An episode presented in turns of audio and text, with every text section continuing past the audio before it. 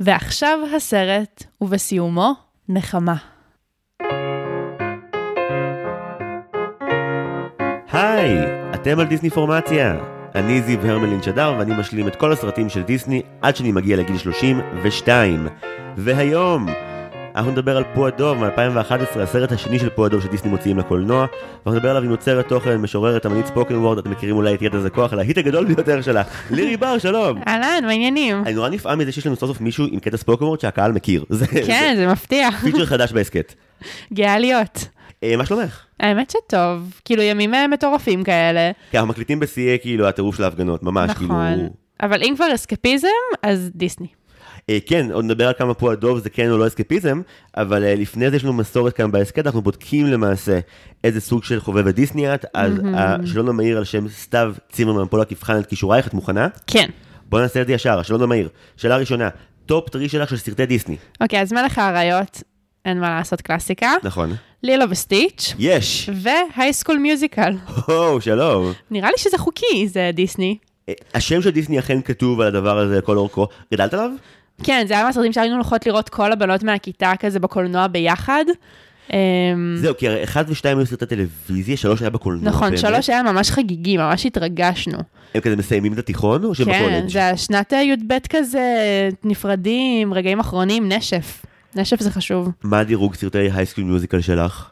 אז שלוש מקום ראשון, די. ואז אחד, ואז שתיים. שתיים היה ממש המנת ביניים בין הראשונה לעיקרית. הבנתי ששתיים זה כזה, הנה הראשון שוב בפחות טוב. כן, ובקיץ, אין אפילו את ההייסקול, יש רק את המיוזיקל. אוי, לא, זה כמו שבתאגד, מהרגע שהם כזה יוצאים מהבסיס באיזה פרק 10, כל הסדרה הולכת לאיבוד, הם כזה, מה עושים? לא נשאר דבק. כן, כזה, האחים הפרטיים שלהם, רגע, לאף אחד לא אכפת, אוי, לא, תביאו את הבחור עם האמבולנס, חוזרים. אה, מדהים. יופי, תשובה נהדרת. אה, שאלה. שנייה, שיר של דיסני שיותר אנשים צריכים לזמזם במקלחת? אוקיי, אז נכון, יש את הקטע שסקאר חוטף את זזו, ואז הוא שר לו אה, גוזים של קוקוס מהעץ. אז השיר הזה, גם כי הוא שיר חמוד וגם כי הוא קצר, ואנחנו נחסוך במים ככה.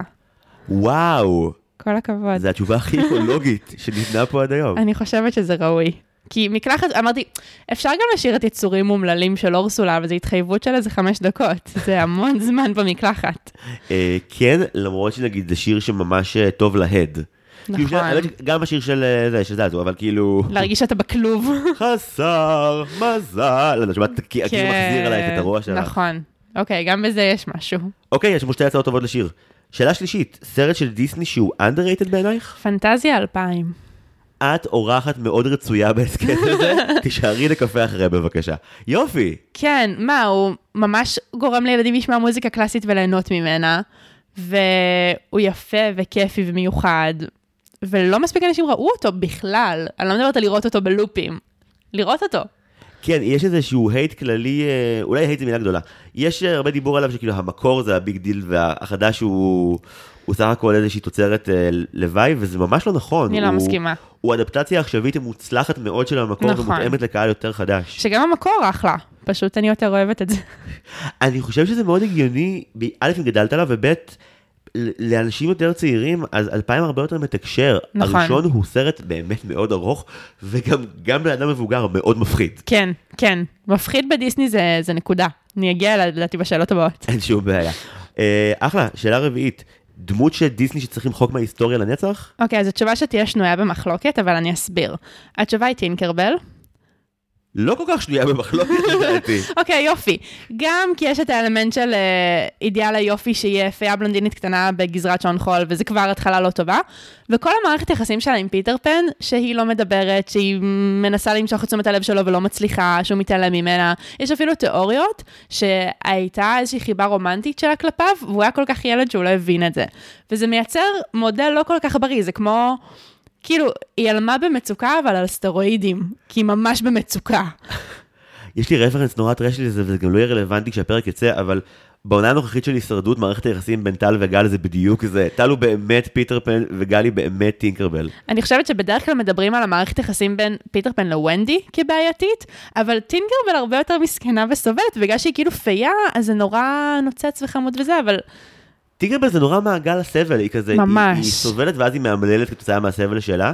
אני מודה שבתור צופה לא סלחתי לה על המעשים שלה, כי זה הרגיש לי שאת לא צריכה להוציא את התסכול הרומנטי או המיני שלך על ילדה בת כלום. זה קצת, קצת כן, מופרז. כן, אז אני חושבת שהיה אפשר לוותר עליה. ולתת לפיטר פן איזה דובי מעבר כזה, משהו אחר. משהו, איזשהו כזה, כמו אה, כזה מכונית ממתקים כזה של, של, של פז, רק שמוציא כאילו אבק פיות. זהו, זה יסגור את הפינה. ממש. היא, היא גם באמת, אה, וואי, זו דמות מבעיטה. כן. היא מנסה לרצוח את ונדי. כן, כן, היא נוראית, ובנות מתחפשות עליי בפורים, כי זה חמוד, בלי להבין את ההשלכות. כן, זה גם כאילו הייצוג הכי מבאס של אקסיט קנאית שדיסני יכלו לעשות, את ממש. שבנים כתבו. רק עוול, רק עוול היא לנשים. כל הזמן הייתה מוטרדת בגודל הירכיים שלה, אף פעם לא ראתה אותי באמת. כן, נורא. יופי, תשובה מצוינת, לא יודע מה. חששת. לא, יודעת, אנשים אמרו פה מושו, היה פה מלחמות, כאילו כן, כן, לא, היה לי ברור שאני לא אלך לאזורים האלה, כל הכבוד. אבל אה, יש הרבה שפשוט אוהבים את טינקרבל כי היא אתנחתה קומית בסרט, כאילו, היא מן רגעים של שנייה בואו נתעסק בטרש. וואי, היא מה זה לא מצחיקה אותי, אבל בסדר, זה כבר אה, דיון שנחרש אה, זה. טוב, תשובה מצוינת. תודה. שאלה חמישית, ברוח ראש האופוזיציה, יאיר לפיד, מה הכי דיסני בעינייך? רומנטיזציה של יתמות. הביוגרפיה של אלוהים יודע מי, אבל שם מצוין. הם פשוט, כאילו, הם יתומים, ואז הכל ממשיך כרגיל. כאילו, ברגע שאתה מבין בחיים האמיתיים מה זה אומר להיות בלי הורה, או עם מורכבות משפחתית, אתה מבין שזה לא כזה אהלן אהלן, כמו שדיסני עושים את זה.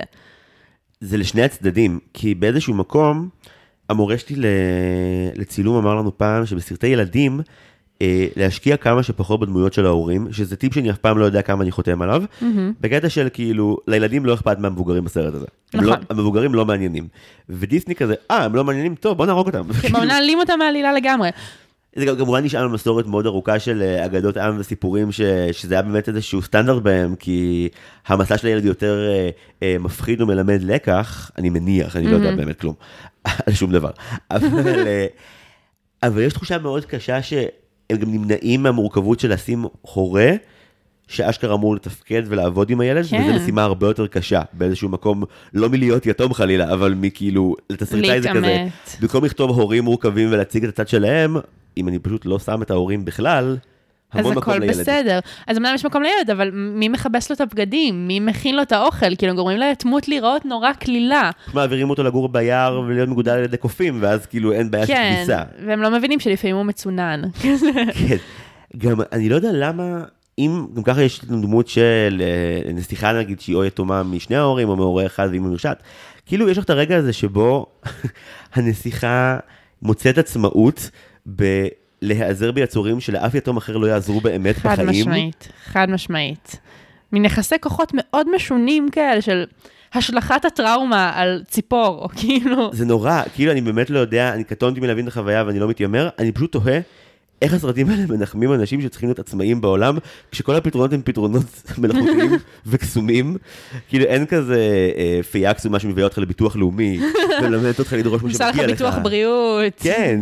משלמת ארנונה. זה הפייה שאני צריכה פיית בחיים. הארנונה. פיית הארנונה? וואו. כן, וואו. אני בעד שאם עושים אה, עוד רימיק לפיטר פן, אז טינקרבל יכולה לעשות פיבוט מדהים לפיית הארנונה. לפתור בעיות לשם שינוי ולא רק לעורר אותן. כן, יעשו סרט שיעי בסדרת טינקרבל, אז אה, טינקרבל ברשות המס, אני אשמח לצחוק. מהמם. אה, שאלה אחרונה, טראומת ילדות שדיסני חקקו בך לנצח? יש פה מגוון, בבקשה. ואני אשאל האם חוקי לספר על משהו שקרה לי ביורו דיסני. למה שלא יהיה? אוקיי, אז אני- כי זה לא של סרט, זה פשוט קרה לי שם. אני לא, אתחיל אם- מזה. אם דיסני חתומים על הטראומה של להכי אותה. אוקיי, אז אני הייתי ביורו דיסני עם אה, אימא שלי ואחי הקטן, הוא קטן ממני בשש שנים, זה אומר שאז אני הייתי בת אה, 18 והוא היה בערך בן 12, אמ, ועלינו על המתקן של פיטר פן, שזה אמ, בתוך חלל סגור, זה נקרא דארק, כל המתקנים, שהם לא אפלים, הם פשוט במקום חשוך, וזה מין כמו רכבת הרים פנימית כזאת, ויש אה, פלאשים של כזה סצנות מהסרט ומוזיקה וכאלה, ואז המתקן נתקע. והיינו שם משהו כמו שעה וחצי, קשורים עדיין ברכבת הרים, כשאימא שלי בחוץ, וכזה מין, זה כול, כולם דיברו בצרפתית, הכל היה מוזר, לא הבנו מה קורה, כאילו הבנו שהמתקן נתקע, ואז הכריזו, כזה היה כרוז שאמר, שבאים לטפל, אני לא יודעת, כאילו, אבל... זה היה, אז זה הרגיש כמו נצח, להיות באוויר, וגם הדליקו את כל האורות, אז פתאום כל הקסם נאבד, משהו ב, בחוויה הזאת היה נורא מבעית ונורא חסר אונים. כזה, פשוט להיות תקוע על רכבת הרים, כשמסביבך טינגרבל וונדי מהבהבות לכמה שניות. זה טראומה אחת, אבל אם יישאר במחוזות ה... רגע, רגע, רגע. בוא בוא נאבד את זה שנייה. כן, כל הסמלים של הילדות שלך כאילו לידך, ב- והם לא עוזרים לך. והם לא עוזרים לי, ואני תקועה באוויר. ואח שלי המסכן לידי, ילד חמוד, וכולם מדברים בצרפתית. ואין לך את צפיית רכבת ההרים. אין לי את צפיית רכבת ההרים. צפיות על הרכבת כדי שתחזור לעוף. לא, ולדעתי אפילו, או שלא הייתה קליטה, או שהיינו בלי פלאפונים, כזה... ממש חשבנו מה אימא חושבת בחוץ עכשיו. כזה, מישהו אומר לה? וואי, כשכאילו האגדה של הילדות שלך פונה נגדך, כן, כן. זה מצוין. אבל חוץ מזה, יורו דיסני היה תענוג. ממש נהניתי. הסכמת לעלות שוב במתקנים אחרי זה? כן, גם אני מאלה שבאים אה, ממוקדים עם רשימה של כל המתקנים שהם רוצים לעלות. כמובן שאת מגיעה עם רשימה. כי אתה יודע, יש תורים, ואז גם בחלקם יש תורים לנוסע יחיד. כאילו אם אתה רוצה לעלות אה, אחד לסגור להם את השורה, אז ממש היינו איפה אנחנו עולים לבד, איפה עושים ביחד, מתי צהריים, הכל היה מאוד מאוד מתוכנן, הספקנו הכל.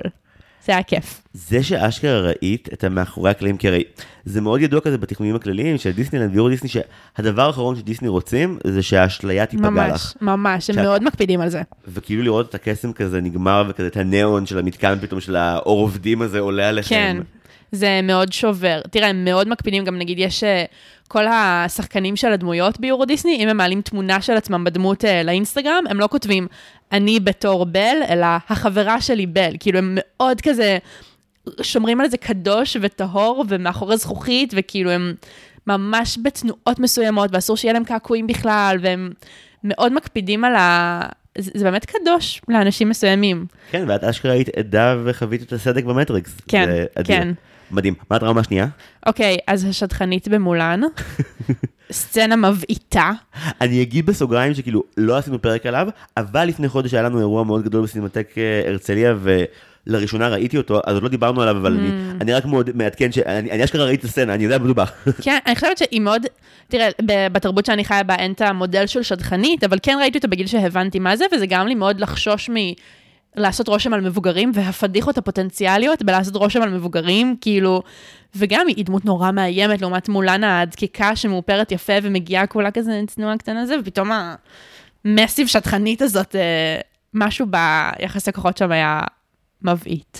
כאילו, בתור אה, אה, חבר בקהילת האנשים הגדולים, אה, משהו בזה שהיא הייתה חייבת להיות גם עצומה, היה לי כזה, "אה. בפרופורציות היא גבוהה ממנה, היא כאילו... כן, כן, וכאילו אז הבנתי שכאילו באמת, זה נועד להעצים את זה שתשנא אותה או תפחד ממנה, שזה כאילו ביאס אותי. מצד שני, הסצנה כל כך טובה, כן. והיא באמת כאילו, היא נועדה לגרום לך להרגיש שכאילו היא באה באמת לאיים על הילדה, גם כאילו, אני לא רואה הרבה סצנות בדיסני שבהם אה, רזון זה חולשה. וברגע הזה ממש פתאום מולן מרגישה לי כאילו קיסם קטן וחסר כן. כל יכולת מול הדבר הזה. כן, למרות שבסוף השטחנית יוצאת מגוחכת עם כל השפם וה... כן, אבל קשה עדיין- להאשים את מולן במה שקרה. חד משמעית. לא, זו סצנה... בנקודת מבט בוגרת, אני באמת יכולה להגיד שהיא כתובה היטב והיא קורעת מצחוק, אבל בתור ילדה לראות את זה, מפחיד. זה מזעזע. מזעזע. אני גם הייתי מהילדים שבשלב מסוים היו מריצים להם סצנות קדימה. הייתי מאוד נכנסת רגשית לכל מה שקורה, עד שאימא שלי למדה מתי כאילו צריך להעסיק אותי רגע במשהו אחר עד שזה עובר ומגיעים לשיר הבא. והיה היה שלב יותר מבוגר שבו כבר כזה היית מריצה לעצמך סצנות? לא. לא, אולי, ב... לא, לא נראה לי. וואי, מעניין אם זה הפער של דור הוידאו לדור ה-DVD. שכאילו אצלנו, אה, אם ההורים לא היו בסביבה, היית חייבת כאילו לתפעל לגמרי את האירוע בעצמך, כאילו גם, גם בניגוד ל-DVD, את לא רואה את ה frame, את רק עושה stop, ואז את לוחצת ובריצה קדימה או אחורה.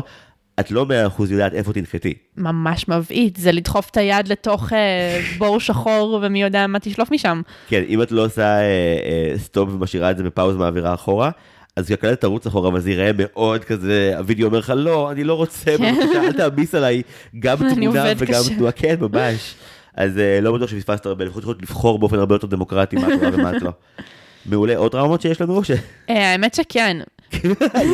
בבקשה. פינוקיו, כן. ראיתי עוד, לא הסכמתי לראות אותו כמבוגרת, אבל יש שם איזושהי סצנה שחוטפים אותו לעבוד בקרקס או משהו כזה, שהוא רוקד עם רקדניות, זה מערכה שלמה הסיפור הזה, כן. פחד אלוהים. יש לי פריימים מזה בראש שלי שלא עזבו אותי שנים ארוכות. מדהים שמה שדפק לך את המוח זה הקרקס ולא החמורים. אין לי מושג על מה אתה מדבר. נראה לי שעצרת בקרקס, כן, כי לא יכולתי לשאת את זה. אז כאילו, רבע שעה אחר כך, אז הילדים, כאילו, שהוא כזה עובר להיות באי איתם בהמשך העלילה, אז הם נהיים חמורים. כי זה מה שעושים ילדים רעים בעולם של פינוקיו. וואו, מישהו אמר לי על זה כשדיברתי איתו על פינוקיו, ואז אמרתי לו, לא, אתה מתבלבל עם המסע המופלג שההורים הופכים להיות חזירים. לא, לא, זה סרט לא. אחר לגמרי. אני מבין לגמרי למה, המוח שלך אמר, לא, הם לא היו עושים את זה, אבל הם עשו, הם עשו וואו. כנראה שבאמת לא הגעתי לשלב הזה בסרט. אני חושב שזה נגיד בורות טובה. כן. כאילו, בפרקים הראשונים של ההסכת שהיה שאלונים מהירים, אנשים היו באים לפה, וכאילו, זה היה ה main thing, זה היה, שומע? פינוקיו. fuck, או פינוקיו או דמבו, זה היה כזה... היה גם מלא במבי ממה שיצא לי לשמוע. במבי כזה, הוא הדוגמה שכזה בהתחלה אמרו אותה, ואז כזה אנשים שמעו פרקים אמרו, אני לא אגיד במבי, כן. ואז מה הטראומות שהיו לנו ליד במבי, וזה הכל באמת שנות ה-40, זה כאילו פינוקיו ודמבו, זה כאילו כן. כל הסרטים האלה. אגב, במבי זה נגיד גם קטע שאני חושבת שהריצו לי או הדירו ממני, כי אני לא זוכרת שאימא שלו מתה. עד שכאילו זה נהיה בשיח וכולם מדברים על זה, ואז ראיתי את זה כבן אדם מבוגר, אבל ממש הופתעתי, וכן ראיתי את במבי, זה כן סרט שהיה לי בבית, והארנב והבואש והזה. לא, אבל את יודעת שכאילו, אין גופה. כן, אבל יש לי כאלה שיורים בה וציפורים עפות, כאילו... כן, אבל זה כאילו, זה ממש כזה, סומך עלייך שתביני, ואז אם לא הבנת, אז אבא שבא מבא ואומר, אמא שלך לא תחזור לעולם. כן, זה נראה לי עשו לי קאט בערך רבע שעה לפני שזה קורה. אז תראי חצי שעה חיות ביער עושות כיף. אני באופן כללי מאוד בן אדם של אקספוזיציה. החלק האהוב עליי בסרט זה כשאין קונפליקט. לא רואים דמויות, יש אווירה, שיר פתיחה, בדרך כלל שירי הפתיחה הם מין שיר מסיבה כזה, משהו... או החלק הזה, או ה-I want song, זה, זה החלקים שאני אוהבת. אחר כך דברים מסתבכים, זה... אני יכול מאוד להזדהות, בתור אה, תיכוניסט, כל ההערות שקיבלתי לכתיבה שלי זה, למה הדמויות לא רבות אף פעם? למה הכל הולך חלק? ואני כי כזה, זה לא כי תמיד בסרטים. החלק שקשה להם הוא החלק המבאס. כן, אתה רק מחכה שזה ייפתר בטוב. יש סרטים שבהם זה הולך חלק, נגיד הסרט שנדבר עליו תכף. אה, Mm. להבדיל, דוגמה שאני נורא אוהב להביא בקטעים האלה, אלאדין. אין לי כוח למערכה שלי, אין לי כוח לכל ה... הוא שיקר לה, עכשיו הוא לא... כן, בעצם כל הזמן הזה היינו... אלאדין הוא, כן. אתה יכול בבקשה לחזור למערה ונגמור עם זה, אפשר שזה יסתיים? אז כן, אני איתך, אבל אה, לא מסתבר שדרמה צריכה קונפליקט, אחרת היא לא חיה, בלה בלה בלה. לא, אז שיהיה קונפליקט אחד, ובואו נרוץ עליו ונתראה בסוף. ולחזור לאקספוזיציה הזאת, אה כן, חבר'ה? זה עוד שיר סימום כזה, משהו כיפי, שמח, תרימו. שבעה אפטר קרדיטים. יופי, מהמם. אה, טוב, לירי בר, זה היה שאלון לא מהיר, אבל ממש ממש טוב, תודה רבה על התשובות. תודה לכם. איזה כיף. קיבלת עוד משימה, שזה בעצם לנסות לספר לקהל המאזינים והמאזינות, מה בדיוק קורה בפו הדוב של 2011, אז בלי עוד הקדמות, קחי את זה. אוקיי, זהו עוד אחד מהסרטים בהם אנו זוכים להצצה לעולמם של פועדוב וחבריו, חזרזיר, טיגר, איה, קנגה, רו, ארנבי, ינשוף וכריסטופר רובין. הפעם, הסרט מלווה בתחושת רעב בלתי פוסקת וכמיהה אדירה לדבש מהצד של פו, במהלך חיפושים אחר הזנב האבוד של איה, והתמודדות עם הבקרוב, יצור מאיים שחטף את כריסטופר רובין לכאורה. הכל נפתר כשפו מקבל צנצנת דבש ענקית והדברים חוזרים לסדרם. וואו, זה, זה תיאור מאוד קומפקטי ו, ומהודק של מה שקורה, שהוא בגדול 40 דקות של פאניקה ו-10 דקות של קתרטיס נורא מתוק. כן, סרט נורא קצר, כאילו קצת הופתעתי כשראיתי אותו. הוא הסרט השני הכי קצר שדיסני הוציאו לקולנוע ככל שאני יודע. מה אחרי- הראשון? הקודם היה סלדוס אמיגוס מ-42 והוא נמשך אה, 42-44 דקות, ופה הדוב בלי קרדיטים הוא משהו כמו 50 דקות, עם קרדיטים הוא כזה שעה, ואז הוא כזה משקר שהוא סרט באורך כן. מלא, הוא לא. המקור נגיד מ-77 הרבה יותר, כאילו שעה ורבע או שעה ועשרים. כן, זה אורך של סרט. ראית את הסצנה שאחרי הקרדיטים? על אשכרה הייתה אחת? אז אני חשבתי שאין אחת, ואז קראתי באינטרנט, גיליתי שיש אחת, וחזרתי לראות אותה, היא דווקא חמודה, נגיע אליה. שיט, אוקיי. אוי, לא, זה לא קרה לי אף פעם. אני לא רוצה לספיילר פשוט דברים שקורים, אבל היא- סוגרת פינה ממש חמודה בעלילה. או, אה, אה, אז זו פעם ראשונה שזה קורה לי אחרי 70 ומשהו פרקים, אני מתנצל. אפשר לראות אותה ביחד אחר כך אם תרצה. אני ארצה. סגור. טוב, אוקיי, אז התיאור מצוין. ראית את הקודמים, את- משהו מהקודמים נקרא לזה? של פועדוב? כן. כן, גם ראיתי את הסרט הראשון לדעתי שיצא. אה, סדרות וכאלה לא ראיתי, אבל אתה יודע, רואים כאילו, אני בטוחה שראיתי עוד סרט שהוא איפשהו על הסקאלה בין אה, כזה. ממש לפני חודש יצא סרט אימה אה, על פו הדב. כן, כי הזכויות על פו הדב כבר לא רק של דיסני, כן. הם מה שנקרא public domain, ועכשיו כל אחד, גם אתם, אם אתם רוצים לעשות סרט פו הדב, אתם מוזמנים. אתם יכולים, דיסני לא יתבעו אתכם. נעשה באמת בהקשר הזה סדר אולי, כי באמת פו הדב זה איזשהו franchise שהשאלה של מה דיסני, מה לא, היא מבלבלת, נעשה את זה קצר. יש סרט באורך מלא מ-77, שהוא בעצם היה כמה סרטים קצרים שעברו עוד שדרוגים ותוספות, והפכו להיות הרפתקאותיו של פו הדב. הסרט שמדברים עליו היום מתכתב איתו המון. כן. ממש הרבה. בין לבין דיסני הוציאו באמת אה, סדרות טלוויזיה והמון סרטים שהרבה ממי שמקשיב לנו ראה. בין אם זה חזרזיר הסרט. יש על טיגר לדעתי. הקיץ של רו נראה לי קוראים לסרט של רו, יש לנו גם את פיל נפיל. פיל ש- נפיל. כן, שאורח עתידי כבר הודיע לי שעל אף שהוא לא ברשימה, אנחנו חייבים לעשות פרק עליו, כי הוא בחר בו הכי הרבה מכל סרטי דיסני. וכנראה שגם, יש כזה מין תהייה כללית בפודקאסט כזה, האם כשנגמור את כל דיסני, נעצור את הכל לחודשיים ונעשה רק פה הדוב ואז נמשיך, יכול להיות שזה יקרה. יש מצב. אלה הסרטים הכי טובים. זהו, אז בעצם הסרט פו הדב השני שיוצא לקולנוע, אבל אם ראיתם עוד סרטי פו הדב ואתם צודקים, יש מלא. איך היה לך לראות אותו? קודם כל, היה לי כיף. כי זה סרט וזה מצויר וכזה. אמ, הסתדרתי מאוד בסיסי. כן, לא, סך הכל נהניתי, חוויה חיובית. כמה דברים שיש לי להגיד שהם כזה מעל הכל, הוא סרט מאוד לילדים. זאת אומרת, גם בסרטי דיסני אחרים, יש בדרך כלל איזה קריצה למבו... לבייביסיטר שלקח אותם לקולנוע, או מין בדיחות שהן קצת למבוגרים, או זה. אני מרגיש ממש אשמה עכשיו, את ראית אותו רק בעברית. נכון, זה באשמתי, אני אמרתי לך? כן. באמת? כן, אמרת לי שתראה בעברית, ואני, לא, אבל גם פעם קודמת, כאילו גם בתור ילדה ראיתי אותו בעברית. אוקיי, בסדר. לא, כי- יש כי קצת בדיחות. יש המון כשזה באנגלית ויש כלום כשזה בעברית. את אבל, צודקת. אוקיי, אז יכול להיות שפספסתי אלמנט מאוד חשוב, אבל אין, אה, כאילו, הוא ממש לילדים, ואני חושבת שמה שהכי בלט לי בהקשר הזה, זה שגם כשהוא כאילו מפחיד לדמויות, הוא לא מפחיד כלפי חוץ. זאת אומרת, גם כשהם באימה טוטאלית מהבקרוב או הבקסון, הילד שצופה בזה מהר מאוד מבין שזה טעות בהבנה שלהם. כאילו, הוא לא, הוא לא כמו הרבה סרטי דיסני אחרים, שיש רגע שאתה כצופה חושש לגורלן של הדמויות. אז אני חושב שבהקשר הזה, נגיד, אם אני משווה לסרט דיסני אחר שהוא מאוד ילדים, שזה רובין הוד, אז כאילו, גם שם וגם פה היו קריצות למבוגרים, אבל כשאני ראיתי את רובין הוד הגבתי אה, אה, כמוך והרבה יותר בחומרה, ואמרתי, אני באמת כמבוגר לא מקבל מזה כמעט fucking שום דבר. אה, כאן, כשכאילו הם מתנהגים בצורה שהיא כביכול מגוחכת, שזה גם, אגב, דבר שהם כבר עשו בהרפתקאותיו של כן. עם השועלונים, כאילו, יש שם את השועלונים והפרפלונים, שזה גם המצאה מבועטת שממציאים ביחד, ועכשיו זה קורה שוב פה עם, ה, עם הבקסון או, ה, או הבקרוב. ואני חושב שדווקא יש פה משל מאוד חכם על חברה ועל איך היא מתנהלת במצבי פאניקה. יכול מאוד להיות. אם תסתכלי שנייה על כל, אה, על כל אחד מחברי הכנופיה של פועדוב, אה, כל אחד אה, לא מייצג מיעוט בחברה, אבל הוא מייצג איזושהי התנהגות מאוד נפוצה, בין אם זה יהירות, בין אם זה התמכרות, בין אם זה דיכאון, כאילו, כן. אני שמחה שהגעת לזה, כי בדרך כלל מחלקים דמויות לפי, אני חילקתי אותם לפי טעמים. לפי דברים שהלשון שלנו חובה. אני ידעתי שלהביא אותך לפה ישתלם. כן. אוקיי, אתה רוצה לנחש? זה גם כזה הולם לקשר את פועדוב לאוכל. אה, כן, אני אשמח. אני אגיד, יש חמישה טעמים. נתחיל מהקל, נראה לי. כן. אני אהיה מופתע אם אני טועה, אבל אני, לכאורה חזרזיר אמור להיות מתוק, אבל אני מהמר שזה פה בגלל הדבש. נכון, פה הוא המתוק. אוקיי, אז בסדר. אגב, יש חמישה, אז אין פה את כל הדמויות. אין בעיה. אוקיי. אז אה, פה הוא אכן מתוק. אוקיי, מר, איור. האמת שלא. חמוץ? איור שמתי בחמוץ. בסדר, זה... כן. הוא גם באמת סאואר קצת, אז כן, זה יכול כן. לעבוד לשני מקרים. משהו, לעשות פרצוף כזה של... "מ, אוקיי, טיגר זה חריף? לא, חריף זה לא טעם. סליחה, נו... אבל האמת שאם אם זה היה, אז טיגר היה לגמרי חריף. טיגר. אה, הכנסתי אותו למריר. טיגר מריר? כן.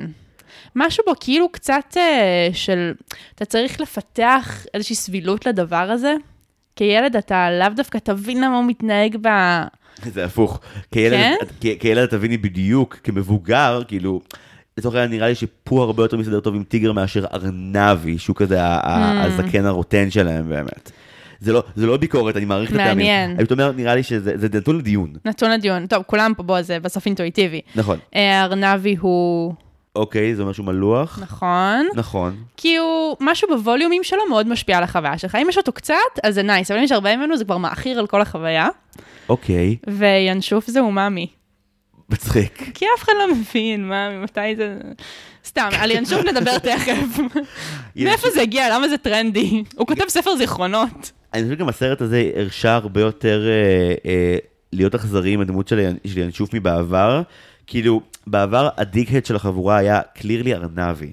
כן. כאילו, טיגר הוא כזה ילד והוא פשוט לא יודע אחרת, אתה חייב לסלוח לו כנגד רצונך. ארנבי הוא זין, הוא באמת, הוא, הוא, רק מבאס. הוא החבר הגרוע שלהם. כן. וכאן כאילו ינשוף בא וקרא עליו תיגר בסרט הזה, אמר, לא, לא, לא, אני יותר מחורבן ממך. ינשוף היה ממש בלתי נסבל, וזה גם לטעות על הרבה מדמויות הציפורים של דיסני. יש, באליס בארץ הפלאות יש את הנשרים, נכון. ויש את uh, יאגו באלאדין. משהו בציפורים תמיד לא בא בטוב. אני חושב שמאוד פיצו על זה בפיקסאר, כשנגיד יש את הסכנאי בנמו. אה, חמוד. ראית איך- איך כן. ברגע אחד? כן, אבל... כן. ויש את זה גם- יש גם אה, ציפור דומה בסרטים של ברנר וביאנקה, שתי ציפורים כאלה. אה, ככל שהציפור יותר גדולה, זה יותר בסדר? כן, באמצע זה נראה לי נשר וזה כבר הכי מפחיד, אבל אם היא יותר גדולה מנשר בדרך כלל היא חמודה. אה, זה מחקר מאוד לא מבוסס שביצעתי הרגע שמישהו איתך. יעשה גרף. אני רוצה גרף מישהו לציפורים. שיעשה לי גרף. מידת חיבה לציפור לעומת תכונות שיש בה או משהו כן, כזה. Wings of Empathy נקרא למחקר הזה, זה יהיה פצצה. אה, לגמרי. אז כמו שאמרת נכון, יש לנו כמה עלילות מרכזיות בסרט. זה מתחיל מהמעטפת הקבועה שבה אה, פור רעב. והוא רוצה דבש. כן, יש לי פרט מטומטם על זה. קדימה. אוקיי, יצא לך לראות את הסדרה שדיסני פלוס עשו על אה, העשייה של Frozen 2, Into the Unknown? לא. דמויות מרכזיות שמציגים שם, זה לא כל העשייה פשוט, ודמויות מרכזיות בעשייה של Frozen זה, זה המוזיקאים, שזה אה, רוברט וקירסטן לופז. מהמם. אה, רוברט לופז גם עשה את Book of Mormons ואת Avenue Q, וכאילו דברים מאוד מאוד טובים, והם מין, power couple כזה של, של, של מוזיקה במצוירים עכשיו בדיסני, ושניהם עושים קאמיוס בסרט הזה, כשרוברט לופז הוא הבטן של פוק כשהוא רעב. זה התפקיד שלו. הוא עושה, כי הוא, הוא זה המוזיקאי- מה שכתוב לו בתלוש. כי הוא, לא, כי הוא המוזיקאי של הסרט, זה, זה להוסיף קולות בשביל הכיף. וואו, אוקיי, מעולה. הוא, הוא בא להלחין, ועל הדרך אמרו לו, אתה רוצה? או שהוא אמר, אני, אהיה הבטן", כאילו, ואז אם תקשיב לזה שוב, את שומעת אותו עושה כזה. כן, לבטן יש תפקיד משמעותי אפילו יותר מהבלון אגב, או כאילו, הבטן מאוד נוכחת. כן, אבל- היא באמת דמות בפני עצמה שיש לה אה, אה, תנועות וקוריאוגרפיה. כן, היא גם ממש רוקדת, כאילו, היא- היא- אם היינו עכשיו בתיאטרון, כן. זה האיבר המוביל של פו בקטע של הוא הולך אחרי הבטן שלו, היא ממש גורמת לו לבצע החלטות. ופשעים. כן. זה, זה קטע חוזר, כל הפתיחה של הסרט היא מאוד, אם אהבתם את הקודם, תתכוננו, זה יהיה אותו דבר, זה לא. אבל, לא, אבל מתחילים מאוד, גם אם יש שוב את השיר של פו הדובון, שזה מוזר שכאן הפכו אותו. לפו הדוב. הוא הדוב, וגם אני הכרתי את זה בתור מלא בצמר גפן אוורירי ורך, ופתאום המילים היו אחרות. כי החליפו אה, במקור לדעתי. משהו בזכויות של התרגום. אה, לא, שפריר הזכאי הייתה מתרגמת נכון. המקורית, ואז אה, לדעתי שרון כהן בשלב מסוים לוקח את זה, אז הרבה מה, מהשפה משתנה, כששפריר הזכאי הייתה נורא בקטע של עברית תקינה, ובהתאם למשלב של הדמויות מאיפה שהם כן. באו זה, ושרון כהן אומר, ילדים מדברים ככה, בוא בוא נדבר נעשה כמוהם, איתם." בוא לא נלך מעל הגב שלהם. כן. אז, אז זה באמת, אה, אני כן תהיתי לגבי זה שבמקור כאילו, פו הדו בון יושב על כל העברות בצורה מהמם. מושלמת, בעוד שפו הדוב, זה הרבה אוויר. זה למתוח את זה. כן. כן. את עושה היי מאוד ארוך שם. קודם כל אני מתנצל מול הקהל שלא אמרתי לך שזה אופציה לעבור לאנגלית אם את לא נהנית בעברית. נראה לי שאמרת לי שאתה אולי תעשה את זה, אז הנחתי שזו אופציה. אמרתי שאני אראה בשתי השפות לדעתי, זה היה כאילו ההנחת מוצא שעשיתי, כי באמת עשר דקות לתוך העברית הייתי כזה, קודם כל זה כבר לא, מדבר- המדבר המקורי של פועדוב היה אה, יובל זמיר, שגם היה עניינים וגם אה, הוא נפטר, וכאן כבר אה, שר בדישי עושה אותו, והוא עושה חיקוי לא רע, אבל את שומעת, כאילו, זה לא אותו דבר. ליובל זמיר היה נורא נורא גבוהים, אז כאילו שפה הוא אומר, מעצבן, את שומעת את הבט נורא גבוהה. כן, זה השתנה. נמוך. נכון, הרגשתי שמשהו בו כאילו נהיה יותר מבוגר קצת. ראית שיר שלנו? זה הסדרה השיר שלנו? כן. כן, אז המורה שלהם לשירה זה פועדוב. זה שר מטורף. מטורף. אני חוץ מאלי גורנשטיין, אני לא טובה בלזהות קולות כל כך. אלי גורנשטיין גם באמת, זה, הרי לרוב הוא הנבל בדיסני, פתאום, כן. הוא, פתאום הוא איור, וזה כזה, כן, היי, היי, זה אחר. כן, אתה לא רשע, אתה פשוט פתאום אתה מסכן. ממש עצוב. כן, וואו, איור, דמות אה, עצוב- באמת עצובה, עגומה. הם גם לוקחים את איור בסרט הזה קצת יותר קדימה. הוא הפרויקט פרח שלהם. כן, הוא, הוא כאילו גם חבורת אה, חיות יער שהן בעצם בובות ממולאות בצמר גפן, שאין להם את ההכשרה הטיפולית הנחוצה לטפל בדיכאון, עם חבר שהוא באמת אה, אה, ב- בעצב קשה, וגם הדבר האחד שהוא רגיל שיש לו, שזה הזנב שלו, אז, אז איבד אותו. אז אין לו אותו. יש לו שורה מדהימה לקראת הסוף שהוא אומר, אה, שואלים אותו אם עכשיו שהזנב שלו חזר אז הוא, אם הוא מאושר, והוא אומר להם, לא. אבל אני מחבב את הזנב שלי. והם כאילו כזה, אוקיי, הכי הרבה שנקבל ממך, כן, זה בסדר מסוג גמור." הדברים שלא משתנים. כן, אם אתה כאילו מרוצה מזה, זה הכי הרבה שאפשר. שזה גם קצת מעלה שאלה גדולה וכבדה של אם אנחנו יודעים שלא משנה מה נעשה, הוא יישאר עצוב, למה לנו להתאמץ? והם עדיין מתאמצים, הם עדיין בוחרים לעשות את הפרויקט שלהם של אה, למצוא לו זנב, וכאילו, וקנגה סורגת לו מש"קית חינוך עמודה, עושה לו זנב ומצא, כן, כאילו, עם האוזניות שלה. כן, כולם שם ממש מקריבים, אבל הם יודעים שזה לא ישתנה. אני חושב אבל שזה העניין של כשיש לך אה, חבר או חברה עצובים, את לא שואפת שהם יום אחד יהיו אה, אה, בסטנדרט אה, החברתי המיינסטרימי של מה זה להיות שמח או מרוצה. את מכירה את הגבולות גזרה שלהם וכזה, אוקיי, אני יודעת מה זה הכי שמח שלו והכי עצוב שלו, בתוך החיים האלה כרגע, בתקווה שיום אחד הוא יהיה יותר שמח מזה, אבל כן. גם לאנשים עצובים יש דברים שמשמחים אותם ודברים שמעציבים אותם. חד משמעית, וגם עצם זה שהם עדיין מתאמצים עבורו זה לא מובן מאליו. אני חושבת שבחיים האמיתיים, נורא קל כאילו להדחיק את זה החוצה, כי זו התעסקות שהיא לא נעימה לאף אחד. ומשהו בזה שהם אומרים, הוא עצוב, אבל אני על זה, זה נורא חמוד בעיניי. זה ממש, אה, הם כאילו מאוד לא תפקודיים, אבל הם כן שואפים להיות חברים טובים, כל אחד ביכולותיו. כאילו יש רגע בסרט הזה, שבו פו אה, מפגין יכולות על אנושיות מבחינתו, או על דוביות מבחינתו של אה, כן. לדחוק את ההתמכרות לדבש הצידה כדי להיות חבר טוב. זה הרגע של הדמעות בסרט. תקשיבי, אני ישבתי כאן הבוקר, אה, לפני כמה שעות, וראיתי את זה, ובאמת כאילו, ההומור בסרט הזה יותר מושחז ואכזרי מה, מהדיסני הרגיל, והדמויות סובלות המון כן. ופוחדות מלא. ואז מגיע הסוף, ואתה פשוט, אני באמת ייבבתי את חיי פה. לא, זה רגע מאוד מאוד מאוד גדול. יותר מ- מהרפתקאותיו של פו הדוב, הסרט הזה ממש משרטט לך את באמת כמה חמורה ההתמכרות של פו, כמה זה גורם לו להיות לא מפוקס, כן, זה כמו הורה שמכור לקרק ופתאום הילד שלו בוכה. כאילו, זה ממש... הוא גם עושה מניפולציות של המכור. הם מדברים עם כאילו ינשוף על הבעיה של איה שאין לו זנב, וכאילו ברגע מסוים הם חושבים, ניגע בזה, אבל הם חושבים ש... שינשוף יתעטש והוא לא, ואיור מפחד שהוא יצטנן. ואז פו מיד ממהר ומוציא מקל ואומר, תראה את הגרון שלך, ואיור פותח את הגרון ואומר, "תעשה- אה, hmm, כן, בהחלט חייבים דבש, אין ברירה.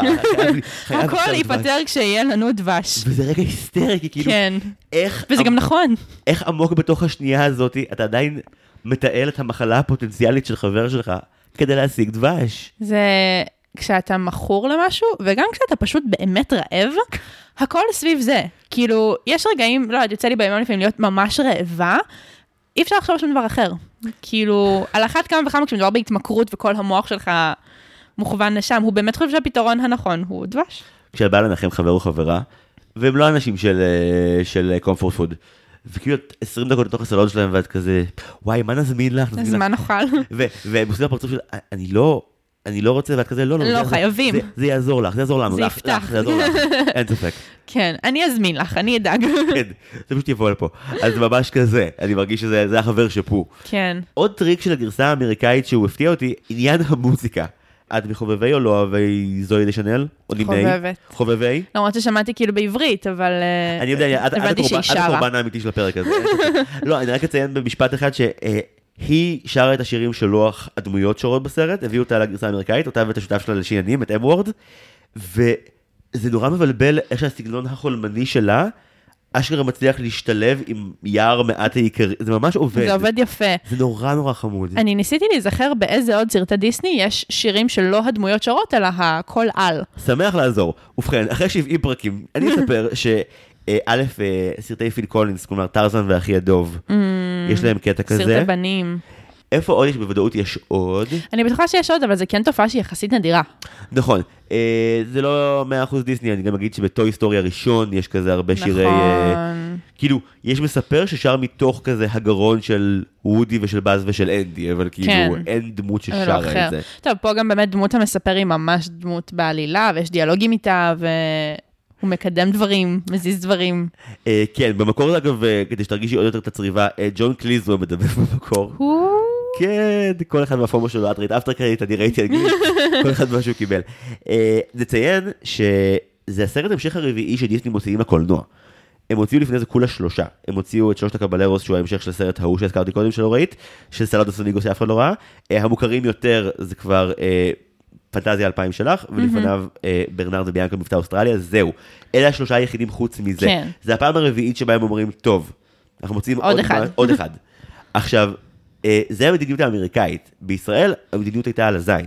כלומר, רוב הסרטים שראינו בווידאו גם יצאו פה לקולנוע, כי לא ראינו בעיניים. כן, לא היה... הרבה ארצות אומרות, לא, לא, לא, אם זה פודוב זה יגיע לקולנוע אצלנו, וכולם יבואו ויראו. הביקורת הרעה היחידה, אגב, שפודוב 2011, שאנחנו עליו היום, קיבל, נתקלת בה?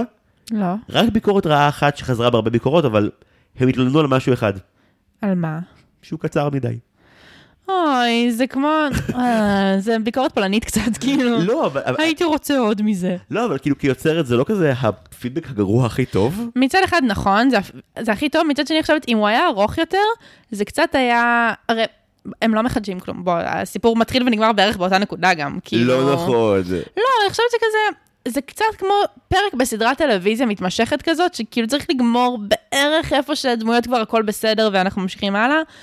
אפשר להוסיף עוד תת סיפור, כאילו כמו שהיה את הבקסון והיה את הזנב, אז אפשר היה להוסיף עוד שליש כאילו לדבר הזה, אבל יכול להיות שזה קצת, גם באמת אני חושבת שהוא מאוד מוכוון ילדים.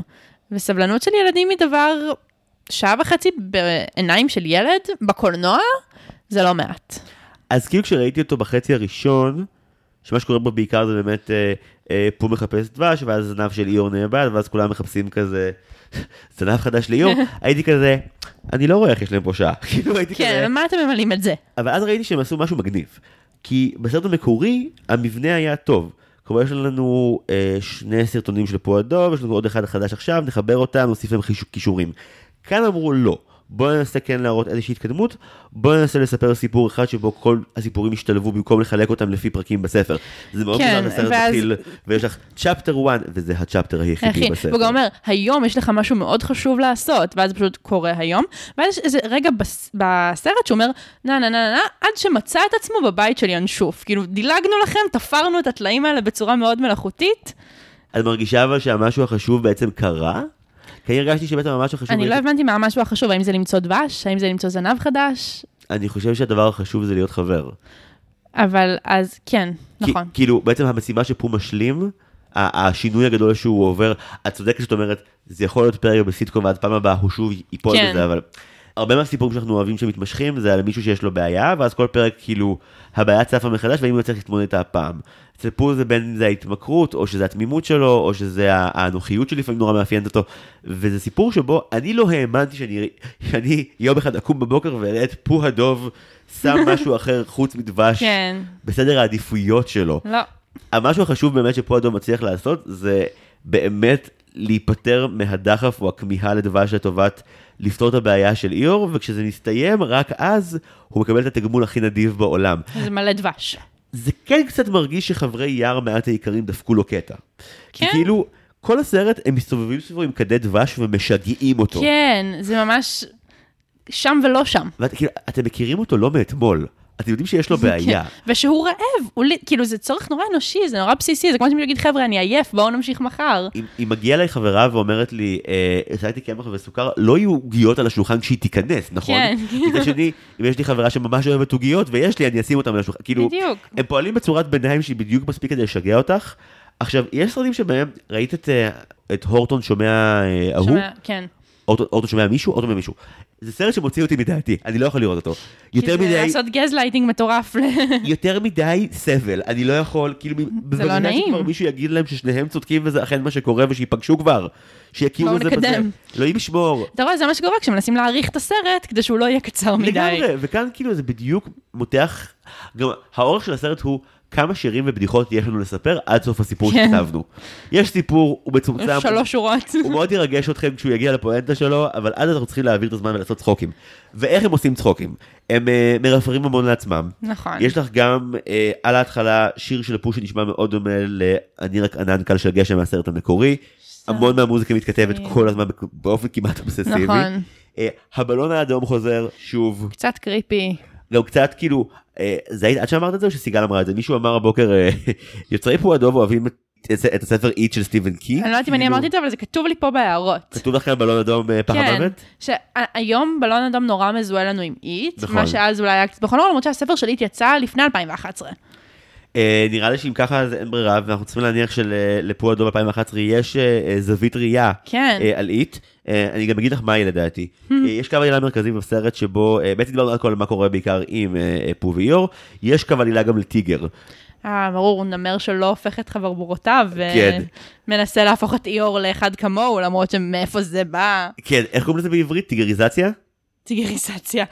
כן. באנגלית זה היה כאילו, you're gonna- כן, הוא אומר לי, you're gonna get tigerized. אני אהפוך אותך לטיגר, וכאילו, יש כמה שלב שבו טיגר מנסה להפוך את איור באופן שהוא ממש. לא מעוניין, כאילו איור מאוד לא בזה, לא, אבל גם איור הוא לא דמות שתתנגד באופן אקטיבי, הוא יגיד הערות סרקסטיות מתחת לזנב. שזה קצת מה שהוא עושה שם. אה, כן, וטיגר כאילו שהוא נורא נחוש גם לספק ל... לאיור אה, אה, זנב חלופי, מספק לו קפיץ. כן. שזה באמת, שזה הכי, בוא תהיה כמוני. כן. והרגע הכי אכזרי בתוך הרצף של, ה... של הצחוקים של טיגר ושל איור, זה פשוט להראות לך את כאילו טיגר מחפש בטירוף את איור שכאילו נעלם, ואז כאילו איור מצא קש שמשמש לו כשנורקל, כי הוא כבר נפל לאיזשהו נהר, והוא הוא כאילו מתחבא שם. מתחבא מטיגר. כמה אתה מתאמץ רק כדי לא להיות חלק מהדבר. כן, ואז מה שקורה עם טיגר שמתכתב לך מאוד יפה עם של סטיבן קינג, זה שטיגר אה, אה, בדרך לא דרך אה, אה, פשוט נראה כמו מפלצת, ואז כשהוא מופיע ביער וחזרזיר רואה אותו, הוא בטוח שזו המפלצת הכי מפחידה, כן. הבקסון הגדול, והוא פשוט נראה כמו, כמו שימי לטיגר. בלון אדום ביד. כן, וגם יש את הקטע שטיגר רואה את העקבות של עצמו, ובטוח שזה העקבות של הבקסון ושהוא קרוב. זה גם קרה בעבר. אה, נראה לי שהגיע הזמן להסביר בדיוק מה קורה עם הבקסון. אמ, אז בעצם יש איזשהו שלב שכריסטופר רובין אה, יוצא לענייניו ומשאיר להם פתק שהוא כותב שהוא יחזור בקרוב. ופול לא ממש יודע לקרוא, אז הם מתאספים כל החבורה ומעניקים לינשוף החכם והמשכיל כותב ספר הזיכרונות את הפתק שיפרש להם מה כתוב שם.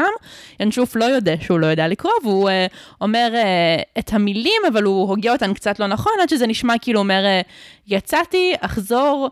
בקרוב, ואז הם בטוחים שבקרוב היא מפלצת נוראית שחטפה את uh, כריסטופר רובין, וזה מוביל לאיזה שיר נורא יפה במין uh, איור של כמו uh, גיר הלוח כזה, כאילו פתאום כל הצבעים כזה מתעוותים, uh, שהם רק מספרים כמה הבקרוב הוא היצור uh, הכי נורא, הכי מפחיד, באנגלית בקסון, uh, ויש שם אפילו שורה שאני ממש אהבתי, ש... ברור שהבקסון מפחיד אותם, אבל הוא לא אמור להפחיד אותנו, כצופים או כילדים, שמתארים מה הוא עושה, אז הם אומרים, חלב יחמיץ, שעון יעצור, הוא יעשה בכל גרב חור. בו-הו, הבקסון. כאילו, זאת האימה, הוא יחמיץ חלב. טוב. אה, קודם כל, התרגום העברי לקרוא לו בקרוב זה די מבריק. כן. אה, וכל הכבוד על זה. זה מחווה ישירה לווטיגר גם, מהסרט המקורי. הסרטון שבו טיגר מגיע ונורא מהר אה, הם שוגים בהזיות ופחדים על שועלונים ופרפלונים. זה אפילו באותו עיצוב קצת. כן, לגמרי, אותו עיצוב של כזה, החלום המסויט, כשכאילו... באתי להגיד הטים ברטוני, אבל הם באו הרבה קודם. כן, כן. וזה ממש עובד מגניב. אה, כאן זה כן מרגיש שאנחנו קצת חוזרים על אותה פואנטה מבעבר, אבל האם בקריאה עכשווית של אה, 2023, זה לא עדיין מגה רלוונטי שהם מראים לך איך זורעים פחד בקרב חברה? חד משמעית. יש שם איזה רגע שרואים איך ינשוף ממציא לעצמו את הסיפור במוח תוך כדי, וכדי שהוא לא יודע בטמטומו, הוא פשוט אומר, בוא נעשה את זה ממש קיצוני עד שכאילו הם באמת יפחדו, ואתה רואה שגם כולם מתחילים לשיר, למרות שעד לפני רגע הם לא שמעו על היצור שנקרא הבקסון, פתאום גם נותנת איזה שורה, פתאום חזר, כאילו הם, הם כולם... משתלהבים אחרי הדבר הזה, וגם אחר כך ארנבי נהיה באיזה דמות מגד, כזה סוחף אותם למבצע שהוא מרים שם. וואי, ארנבי הוא באמת מגד, זו הבחנה באמת מ- מגד. מאוד נכונה. הוא בונה תוכנית, הם אוספים חפצים, כאילו, הם ממש מרימים שם הפקה. זה קטע חוזר בפה הדוב שארנבי כותב אחלה תוכניות, ואז החבר'ה שלו הורסים אותם. כן. כאילו, אם הבקרוב או הבקסון היה קיים, אז התוכנית הייתה טובה. כן, הוא באמת היה נופל לבור. כן, אגב, בפעם הקודמת אה, שארנבי היה לו תוכנית כזאת, את זוכרת נגד מי היא הייתה? לא. טיגר. פעם קודמת הוא ניסה לזמבר את טיגר, זה היה ממש... אני חושבת שאם ארנבי שונא באמת מישהו, זה את הבן אדם הכי קופצני ושמח בחבורה. זהו, וגם אה, כמו, אומרים לנו עכשיו כזה, אם יגיע עכשיו חלילה אויב כלשהו לישראל, כולנו נתאחד ונראו חזקים מולו, אז ברגע שיש את הבקסון, אז יש סיבה לארנבי פתאום להיות חלק מהחבורה, ולא להתחיל להוציא את חבריה בזה אחר זה במזימות כן. שלו. כרגע נתאגד כולנו, אנחנו כולנו אחים, בוא נילחם בענק הזה עד שיעבור זעם. הוא מהאנשים האלה שלא באמת יודעים להשתלב בחבורה, הם יודעים או להשתלט או לא להיות שם. אז או שהוא המנהיג, או שהוא אאוט. זהו, וזה הרגע שלו לזרוח. כן. זה גם, יש שם מסננת. על הראש כזה. כן, אגב, אחד הטריקים הכי טובים של, אה, של באמת ינשוף לזרוע פחד, זה אחרי שהוא עושה בעצמו את ה- מה מפחיד אותי, אוקיי, נגיד שאת זה הוא עושה, הוא קצת מעודד אותם כזה גם להגיד מה הדברים שמפחידים אותם ולהלביש את זה כן. על הדבר הזה. ואני חושב שהמון פעמים אה, אומרים על סרטי אימה, שהרבה מאוד פעמים ה... החלק הכי פחות מפחיד זה כשרואים את המפלצת. ברור. כי עד שרואים אותה, כל אחד מאיתנו מדמיין את הדבר שהכי יפחיד אותו. בגלל זה ספרי אימה זה דבר שעובד ממש טוב. בגלל זה אית הספר הוא הרבה יותר מפחיד מהליצן. אה, אני מסכים, גם... טוב, גם כי הליצן בספר יכול להפוך למלא דברים ממש מלחיצים. כן, משהו שבסרט, כשיש לזה ביטוי ויזואלי, אין מה לעשות, כאילו זה, זה אחרת. נכון, אבל uh, זה באמת העניין של המוח שלי הוא האויב הכי גדול שלי בקטעים האלה, אם כאילו, וכל חברי יער מאז העיקרים תורמים מהפחדים שלהם לתיאור המאוד מנופח הזה של היצור הזה שלא ברור מאיפה הוא בא ועכשיו הוא האיום הכי גדול שלהם. ואגב, הסצנה שבה ארנבי מוביל את המבצע, אה, העניקה לך בעיניי את הרגע הכי יפה בסרט שאני לא חוויתי אותו, שבו כל החבורה יושבת בתוך הבור ורק חזרזיר למעלה עם חבל, ואז ארנבי שואל אותו אם הוא יכול לקשור, משהו שבעברית זה פשוט דיאלוג של ארבע דקות שאין בו כלום, ובאנגלית יש משחק מילים יפהפה. כן, can you not? not. No, so not, no, I cannot, so can, מה, דיאלוג, שבעברית זה פשוט, אתה יכול לקשור? לא, אז תקשור, אבל אני לא יכול, ארבע דקות של כלום, כי לא הייתה שום דרך לתרגם מצאו את הרגע היפה הזה. הבנתי שיש שם משהו, ואז גם נזכרתי שכנראה ראיתי איזה מים או משהו על זה פעם, ו- והשלמתי לעצמי במוח, אבל זה באמת, מה, מה, כמה שבקרוב מתרגם טוב, אז cannot לא בדיוק... אה, זה, זה היה הרגע שבו סיגל פשוט צעקה, זה המים. כן. אמרתי לה, מה? והיא אמרה, זה מים מאוד מוכר, ואז כאילו הגיעה הסצנה והיא ידעה את כל מה שקורה בה בגלל זה. כן, כן, וזו סצנה נורא חמודה. כן, אי הבנה זה... אני ילד שמאוד גדל על הומור, יש מישהו אחד שמבין מה קורה ומישהו אחר שלא, כן. והוא מעצבן את הבחור שלו שכן מבין, וזה תמיד כיף. ברור. תמיד כיף לראות מישהו משתגע בתסכול בגלל אחרים. אה, והסרט הזה מצטיין בזה. כמו כן, אה, לא ציינו את זה, אבל רק אזכיר, יש מסה של שירים קטנטנים. כאילו כזה, בין סצנות יש פשוט שירי מעבר שהם לא נאמבר, זה לא מיוזיקל פרופר, אבל נגיד, לפעמים כזה הסרט עוצר לחצי דקה בשביל זה. אה, נגיד יש רגע שבו כשהם מבינים שהם צריכים אה, אה, לחפש ליאור זנב, אז, אה, אז, אז המוז...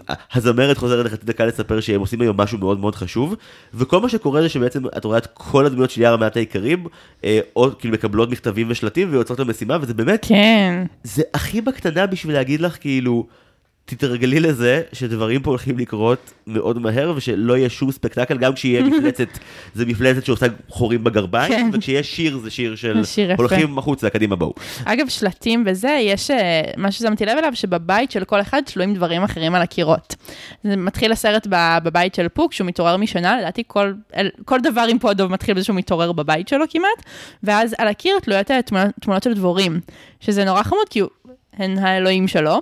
בבית של ינשוף יש תמונות של ינשוף, של עצמו, כמובן. וברגע שבו איך הזרזיר תולה תמונה שלו ושל פו, אז פו מהצד השני תולה את השלט של אה, דבר חשוב לעשות. כאילו הוא ממש הורס לך זרזיר את הרגע החמוד של החברות ביניהם. זה מצוין. זה רגע עצוב. זה עצוב, אבל אני חושב שזה מין, אה, זה עולם שכאילו אומר לך, תקבלי את החלקים הטראגיים בכל מערכות היחסים החבריות שלך. תראה, אני מרגישה שבאופן כללי, לאורך כל הסרט, יש קצת אווירה של מעשייה של דתיים, מה זה בעשייה של דתיים? של כזה, אה, תתאפק עם היצר שלך, ובסוף תקבל גמול ממש הגון. אה, לגמרי, בין אם זה כאילו יהדות או נצרות, זה כן. לגמרי, זה שיר הלל לאיפוק. ממש, ומהרבה מעשיות של דתיים וכאלה שיצא לי לשמוע לאורך החיים שלי, למרות שאינני דתייה, זה תמיד כאילו, הוא ממש ממש רצה לחלל שבת, ובגלל שהוא לא חילל, הוא מצא מטבעות זהב מחוץ לביתו. כאילו, תמיד יש איזה מין משהו כזה, וזה באלף גרסאות שונות. ולמעשיות האלה מן הסתם יש מוסר השכל של וגם אתם ילדים מתוקים אל תחללו שבת. ואני חושבת שיש משהו כזה לאורך הסרט, אבל לא מספיק בוטה כדי שילד יצפה בזה ויגיד, אה, אני לא אדרוך על חזרזיר החבר הטוב שלי. אה, זה כי הסרט מנסה לגמרי למשוך את הזנב של איור משני קצותיו. כן. הוא מנסה מצד אחד, לא, לא, באמת, הוא מנסה מצד אחד אה, לעשות את הדבר הזה באמת של כאילו, תסתכל ותראה, ומצד שני גם הוא אומר לך, תצחק, זה ממש מצחיק. זה ממש לצחוק על זה." מצחיק. כאילו, אל תהיה, הוא כל הזמן אומר לך, תיקשר רגשית, לא יותר מדי, זה- כן. זה נורא עצוב, אבל זה גם לא. ותתאמץ בשביל החבר שלך, אבל רק כל עוד זה נוח. כאילו מין כזה... עד הסוף שהוא, עד השליש האחרון שהוא באמת כבר כולם שמציעים מגדרם, וינשוף מתברר כאסול רציני. ממש. זה כאילו סרט שמרגיש כמו תעמולה אנטי בומרית חמורה, כי, הב... כי מי שאמור להיות הזקן הגדול של היער הוא באמת פשוט נוד נפוח וטיפש. שכותב ספר זיכרונות. שאגב, האם באיזשהו שלב ראינו שינשוף יודע לכתוב? לא, הוא יודע, הוא כן יודע קצת לקרוא, יאמר לזכותו שלמרות שהוא לא קורא טוב, הוא כן מבין את האותיות והצלילים שלהן. כן, אבל את אמורה להאמין שהוא כתב את כל האוטוביוגרפיה או את כל הממואר שלו עם ההבנה הזאת של מילים? יש שלב שהוא גם אומר, סיימתי לכתוב את ספר הזיכרונות שלי, שזו תחילתה של דימנציה לדעתי, כאילו יש מין נקודה שהוא, אוקיי, עד כאן אני זוכר. מה, מה קורה משם? אני- אין, אם, אם יש פה איזושהי ביקורת או איזושהי אה, אה, הצבת מראה, אני חושב, זה שינשוף כל כך מרגיש שהתפקיד היחידי שיכול להיות לו בחבורה הזאת זה, זה לומר לה אה, אה, עצות וידע, כי זה התפקיד שלו בתור המבוגר, שזה, וכאילו, אם אין לך, אז פשוט תמציא עובדות. כן, וזה מה שהוא עושה. וזה, לא יודע, כאילו אני מרגיש שיש סיבה שברוב המקומות באמת יש דבר שכזה זקן השבט, כאילו הם כן יודעים על המון דברים נכון. שאנחנו לא יודעים. וזה סרט שבא ואומר לך, "אה, תבדקו את המקורות שלכם עוד פעם אולי. כן, אני חושבת שמצד אחד, מן הסתם לגיל יש משמעות ולניסיון יש אה, תוקף, ולכן אנחנו הולכים להתייעץ עם ההורים שלנו על הרבה דברים, אבל היום אנחנו כבר מבינים שיש הבדל אה, דורי, ויש הבדל בתפיסה, וכמה שההורים שלי יודעים להסביר לי על אה, איך לנקות את הבית, הם לא דווקא יעזרו לי אה, לפתוח פרופיל בטינדר. כאילו, אם כי זה בהחלט סדרת רשת שהייתי מעוניין לצפות בה ככל הנראה. הורים עוזרים לילדים לפתוח פרופיל בטינדר. הורים משכתבים לך את הפרופיל, כן, אני מת לראות את זה. וואו. ואני חושבת, אוקיי, אז ינשוף אני מניחה שהוא יודע לקרוא ולכתוב במידת מה. הוא יודע לכתוב את המילה דבש. אמנם כזה, הוא הופך קצת את האותיות. הוא כותב אה, H-U-N-Y. כן, אבל הוא, הוא כן יודע שהאותיות האלה יש להן משמעות ושהמשמעות היא דבש. אגב, יש את הרגע הנורא יפה שינשוף אה, כזה מדבר לפו ולאיה, ופו כאילו כותב את מה שהוא אומר, אבל הוא עושה מה שאני מפחדת שהפסיכולוגית שלי עושה, שהוא לא. מצייר משהו אחר. מה שהוא מתעסק בו, הוא מצייר דבש, וכמה שצריך את הדבש. הוא מצייר תוכנית שגם כאילו בסרט הקודם כבר ניסית והיא לא לגמרי הלכה, כאילו כזה משגר דבש שבו הוא כזה. עם הדבש. אם אני לוקח את הבליסטראה או מחבר אותה לחומר הנפץ, אני יכול להגיע לעץ הדבש. יש גם את הרגע שפו כבר כל כך רעב שהוא מתחיל להזות דבש, ואז יש איזה שיר שהוא בתוך דבש עם דבש וכוורת דבש. זה השיר היחידי בסרט חוץ מפו הדובון שאפשר אולי להגיד, "Hmm, גבולי נאמבר, נאמבר, נאמבר כן. זה שיר אה, חמוד. אנימציה מטורפת אגב. כן, כן, תהיתי אם יש שם אה, עבודה של תלת, או מה קורה, כי פתאום זה... ממה שהבנתי, רוב הסרט, אם לא כולו, מצויר באנימציה ידנית, כאילו... יש פה היסטוריה רצינית- רצינית בסרט הזה, כי בעצם דיסני לאורך האלפיים, העשור הראשון של אלפיים, מאבדים אמון במודל של אה, אה, אנימציה דו-ממדית, מרד החיות מאוד נכשל, כשהם עושים לו טסט של- עם הצליחה בצפרדע ב-2009, הוא, מביא כסף ולא את הכסף שהם קיוו לו, ופו הדוב כבר נעשה עם איזושהי השלמה של, זה כנראה לא יהיה הבלוקבאסטר הגדול ביותר, אולי אני אנסה להביא את אחת מהעבודות הדו-ממד הכי יפות שלנו. אז הם נשענו מאוד על העבודה המקורית, הם הביאו אנשים שעבדו על הסרט מ-77 ועל הסרטונים הקצרים שהובילו אליו, שיגבו אותם ויעזרו להם, אלה, שעוד, אלה שעוד היו חיים ותפקודיים למשימה לפני אה, 12 שנה, היו. אה, ובאמת את מרגישה, א', שיש פה נאמנות בלתי מתפשרת לסורס מטיריאל בקטע יפהפה. נכון. הם, הם אוהבים את הסרט המקורי, הם לא סתם עושים את זה בשביל הכסף, הם רוצים לעשות את הסרט הזה בטירוף. וזה הסרט האחרון עד היום ב-12 שנה שהם עשו ככה. באמת? את לא טועה אגב, יש, אה, מן הסתם נעזרו ב-VFX בשביל החלקים האלה, מהמם, וכאילו, כן. אני, על אף הבנתי האפסית בנושא, כן קראתי בקרדיטים ובדקתי שכזה, היה תלת בחלקים שנצרכים, אבל בחוויה הכוללת את מרגישה סרט קלאסי לחלוטין, דו כן. שמאוד שומר על זה. גם נקודה שנתייחס אליה תכף, זה אפילו הפונט בסיפור, כאילו ממש פונט קלאסי של ספר שהודפס פעם, כזה מאוד מרגיש ישן, לא מרגיש 2011. כן, מה שמסגיר אבל, זה שבמקור משחקי המטה היו מדודים יותר, כאילו, כן היה יחס לאותיות של הספר, אבל כאן זה פשוט בעת זונות, הם כאילו... בסוף זה פותר להם את הבעיה, ככה הם יוצאים מהבור. בדיוק, ברגע שהסולם האותיות הוא, הוא אופציה עלילתית, אוקיי. כן. אז בואו נאכל אותן גם, כאילו. בדיוק, כבר מה זה משנה. יוצא באותו, באותה השנה, אגב, בדיסני, אה, 2011, אה, יוצא הסרט של חבובות עם אה, ג'ייסון סיגל ואימי אדמס. אה, וואו, ראית? כן, אבל מזמן. זה מצחיק נורא ששניהם יוצאים באותה שנה, כי שניהם ממש בולטים בזה. כלומר, החבובות, אם את זוכרת, יש שם גג שלם על העניין של travel by map. כן. ששואלים איך ניסע עכשיו מסביב לעולם, אומרים, פשוט ניקח מפה, ואז אומרים שיש מונטאז' שלם שפשוט בו הם נוסעים מכל מקום, וזה קורה בדקה.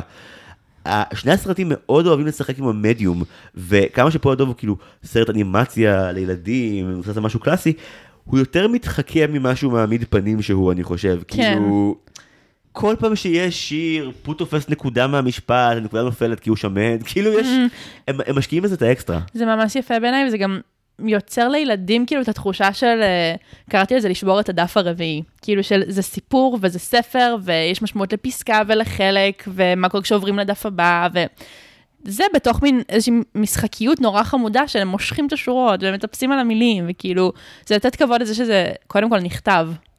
ואני חושבת שאם יש ילדים שיקראו יותר ספרים בעקבות הנקודה הזאת, ושינסו לקרוא ספר ולדמיין, זה כאילו פלא. גם האופן שבו באמת, זו נקודה מצוינת, הם, הם, האופן שבו מציגים את הספר מההתחלה, יש הרבה יותר התעסקות סביב העובדה שזה ספר מפעם הקודמת. בדקה הרביעית של הסרט, כזה, הסופר אומר את השורה הפותחת, שזה, פו התעורר נלהב לקראת היום שלו, ופו עושה, "אמ, דבש, אני נשאר כן. ראשון. הוא מתחיל להגיד לו, תקום, והוא לא קם. ואז המצלמה כאילו מתרחקת טיפה אחורה, שתראי יותר את הגבולות של הספר, ואז היד של המספר שאנחנו לא רואים, מנענעת את הספר כן, כדי כן, להאיר את זה פו בתוכו. מטורף. אתה, אתה מרגיש כצופה שזה די כיף להחזיק ספר ביד. נכון, שאתה יכול להשפיע. שיש לך משמעות. גם, האמת שאם כבר התייחסנו לזה, יש את הרגע, את הכניסה לחדר של כריסטופר רובין, שפתאום רואים כזה את ה... גם את הבובות של החיות, וגם אה, יש לו מין חיילת צעצוע שהוא אוסף, הוא ילד נורא אגרן כזה, יש לו מלא דברים בחדר. ועדיין הספר הזה הוא נורא בולט, והבובה של פו, הקצת מסמורטטת אפילו, היא נוכחת שם. כאילו, כן, הם צריכים אפילו להדגיש את ה... הרי יש גג חוזר שיש לו תפר שתמיד נפתח ואז יוצא את כל בבטן, הפרווה. כן. כן, אז גם בבובה החיה זה נוכח. זה, זה מצחיק, כי בסרט המקורי יש גם חדר ילדים, אבל אז זה אחר לגמרי. דיסני עניים, הכל הרבה יותר מצומצם וזה. גם, גם בסרטי הנסיכות של פעם יש את הקטע הקלאסי של להיכנס להגדה ו- נכון. ולפתוח את הספר. אבל כאילו פה הדוב אומר, אני אקח את זה לנקסט שיט לבל. כן, כן, זה מה שזה מלווה אותם לאורך כל, ה, כל הסיפור, וזה גם לדעתי נסגר בזה שהספר נסגר. כאילו, נכון? It's כן, closed. כן, אני- זוכר שהספר נסגר וכתוב The End, אמרתי, אני לא מאמין שהם סיימו כבר. אני גם אמרתי כן. קצר מדי כשזה הסתיים. אמ. וזה לא- זה לא היה לי קצר מדי עד שזה נהיה פתאום מאוד סנטימנטלי ומרגש, ואז זה הרגיש פתאום קצר מדי. נכון, פתאום אתה רוצה עוד מהחוויה הרגשית הזאת. כן, אבל, אבל רוב הזמן את, אה, את באמת מתפללת שזה יהיה בסדר, ונקרעת עליהם מצחוק בו זמנית ומבולבלת מהדיסוננס. אנקדוטת חיים. כן. Uh, הייתה לי בובה של פועדוב, ושל חזרזיר, ושל טיגר, וכו' וכו' וכו'. Um, כי אני, uh, כשהייתי קטנה, גרנו שנה באוסטרליה בשליחות, ויחסית קרוב לבית הייתה חנות של בובות, כזה בובות פרווה. Um, והייתי עוברת שם תדיר עם אמא שלי, והייתי מין מלקטת אותן, כאילו זה היה בובות קטנות יחסית, פועדוב הייתה בובה גדולה, אבל היה לי מין... גודל של בערך מחזיק מפתחות, כאילו של כל האחרים. Um, וכשחזרנו מאוסטרליה לישראל, הייתה לי, חזרתי עם מזוודה של 23 קילו, שהייתה רק בובות שצברתי מהחנות הזאת. אימא'לה. אה, והבובה של פו ושל קנגה ליוו אותי הרבה קדימה. כאילו, את קנגה לדעתי היה לי עד שהתגייסתי בערך, ואז עברנו דירות וזה, וזה עכשיו באיזשהו ארגז אה, מוחבא, אבל גרמתי להורים שלי לקנות מזוודה בטיסה מאוסטרליה לישראל, רק כי לא הייתי מוכנה לוותר על אף בובה שהייתה לי. כאילו באתי לשאול כזה, מעניין, למה דווקא קנגה? ואז עבר לי בראש, רגע, היא האישה היחידה. בפוע הדוב? זה אלמנט אה, דרדסית, מה שנקרא. אני, אני בהלם. תחשוב שלכל אחת מהדמויות יש אופי מסוים, האופי של קנגה זה שהיא אימא. היא אימא של רו, שגם לו אין כל כך הרבה אופי. Hmm, כן. עכשיו, אני לא חושבת שהתחברתי אליה כי היא אישה, אלא כי היא סורגת, ויש לה בדיחות כאלה קצת יותר עדינות, ומשהו ב, בהליכה שלה יותר קליל, כאילו, היא כן נותנת להם באמת קונטרה, פשוט ארנבי בכיף היה יכול להיות זקנה ממורמרת בעיניי.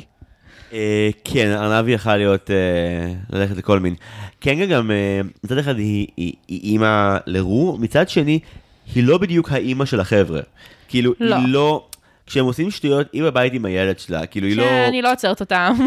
כן, כאילו היא לא חלק מהכיף, אבל מצפייה בסרט, הכיף הוא לא כזה כיף. את יכולה להישאר בבית. כן, היא לא מפסידה הרבה.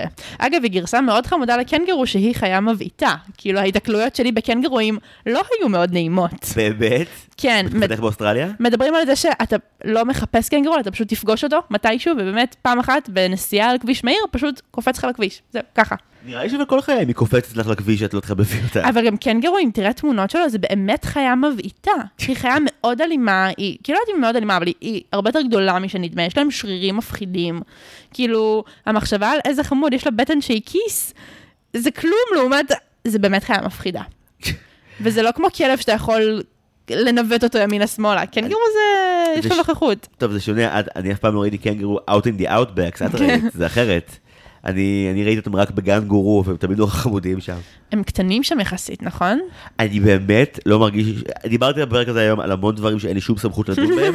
נראה לי קנגורים. שסוג- נראה לי שסוגים של קנגורים מכל הנושאים, אנחנו לא שם אני עדיין. הכי לא כשיר מכל הדברים. רציתי לשאול, אה, כן. הזכרת קודם את sequence הדבש, שבו אה, אה, פו losing his shit סופית ורואה את הכל בצבעי דבש עזים. אם זו היית את וזה היה יום קשה. מה מה היה הדבש שלך? וואו, שאלה נהדרת. בהקשר קולינרי, כנראה שזה היה צ'יפס. משהו בצ'יפס מאוד מנחם. תפוצ'יפס או ממש צ'יפס? לא, לא, צ'יפס של מקדונלדס. טוגנים. כן. כן. או משהו, וואי, איזה זקן זה להגיד פרי. כנראה שזה היה תפוח אדום חתוך, סתם. משהו בפירות תמיד היה לי מאוד אה, של בית של מנחם, של כזה אימא חותכת. אמ, אבל לא בהקשר קולינרי, אני חושבת שאמבטיה ומוצרי טיפוח. וואו. לבוא וכזה בועות סבון, וכזה... אמ, כזה ליפה כזאת שמסתבנים איתה. אני מאוד זקנה. אה, לא, ה- ה- טיפוח עצמי זה... מעניין משהו, מלא ריחות טובים ערך כזה, מרשים. מפזר, אה, מפיץ ריח. זה גם נשמע שזה יותר מעניין של טיפוח, זה נשמע כמו כזה, הנה לכם רוגע. כן. בבקשה, רוגע, קחו. קטורת. מה זה היה אצלך? זה איזשהו סוג מאוד ספציפי. אני, אני לא כאילו ילד של טבע, אבל אני כן מאוד מסתדר אה, עם עצים, מסתבר. Hmm. לא בקטע של לטפס עליהם, ממש לא, אבל בקטע של אם יש הרבה מאוד אה, אה, ירוק סביבי, ויש כזה חורש... אמא שלי גרה בכפר החורש, זה כאילו... זה שומר על איזושהי שפיות פנימית עמוקה. מעניין. אז נראה לי שאם אני צריך לדמיין רוגע שהוא לא רוגע של אה, בטלה מחיי היום-יום ולראות Mm-hmm. סרטים וסדרות, זה לשבת באיזשהו יער מאוד גדול ולקוות ממש שיהיה בספסל. לא לשבת על הרצפה. אני יכול, אני יכול ואני גם לא מפונק, הייתי ילד בסדר בקטע הזה, אבל עכשיו בגיל, ממרומי גיל 31 וחצי, הגב שלנו לא מה שהיה פעם. אני אקח את הספסל הזה אם הוא יהיה שם. תגיד, דבש זה לא כזה טעים בעצם, ודובים לא באמת אוהבים דבש, כאילו למה לדעתך הדבש הוא מה שנבחר, וגם לרוב אנחנו רואים את הצנצנת יותר ממה שאנחנו רואים את הדבש עצמו. למה הוא המייצ... למה הוא הכמיהה הממש גדולה? מה זה כדי שילדים, לא... זה כמו הטרד של פופאי, כאילו כדי שילדים לא ירצו שוקולד אז מכרו להם דבש כדבר נחשף, או... אני חושב שקודם כל ההבחנה שהמון פעמים את רואה את הצנצנת ולא את הדבש, זה אחד הטריקים היפים של הסרט הזה, שאת אף פעם לא יודעת מה יהיה בצנצנת. היא יכולה להיות ריקה. נורא מכניסים אותך לראש של פו בקטע של, יש בצנצנת, כי את, מתעניינת. כן, אתה רוצה. לדעת, אתה רוצה לדחוף את היד. אבל אני חושב שזה בדיוק העניין הזה של, כשאני באמת, אה, הגדרת את זה יפה קודם, אם אני עבד ליצר שלי, כד זה אחלה דבר שיכול לבטא כמיהה. כד זה מין Hmm. כזה, אני מעניק לך את הדבר שקמט אליו, אני יכול להציב אותו והוא יראה מרשים על כל מתקן שהוא גבוה מאיתנו.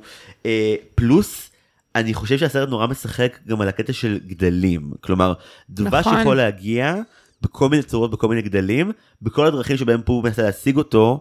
אה, הם קלוקלות, בין אם זה להשיג צנצנות בדרכים לא הולמות, בין אם זה הכוורת, שגם בסרט הזה כן. הוא לא מצליח לשלוט בעצמו והתעלל כן. בדבורים.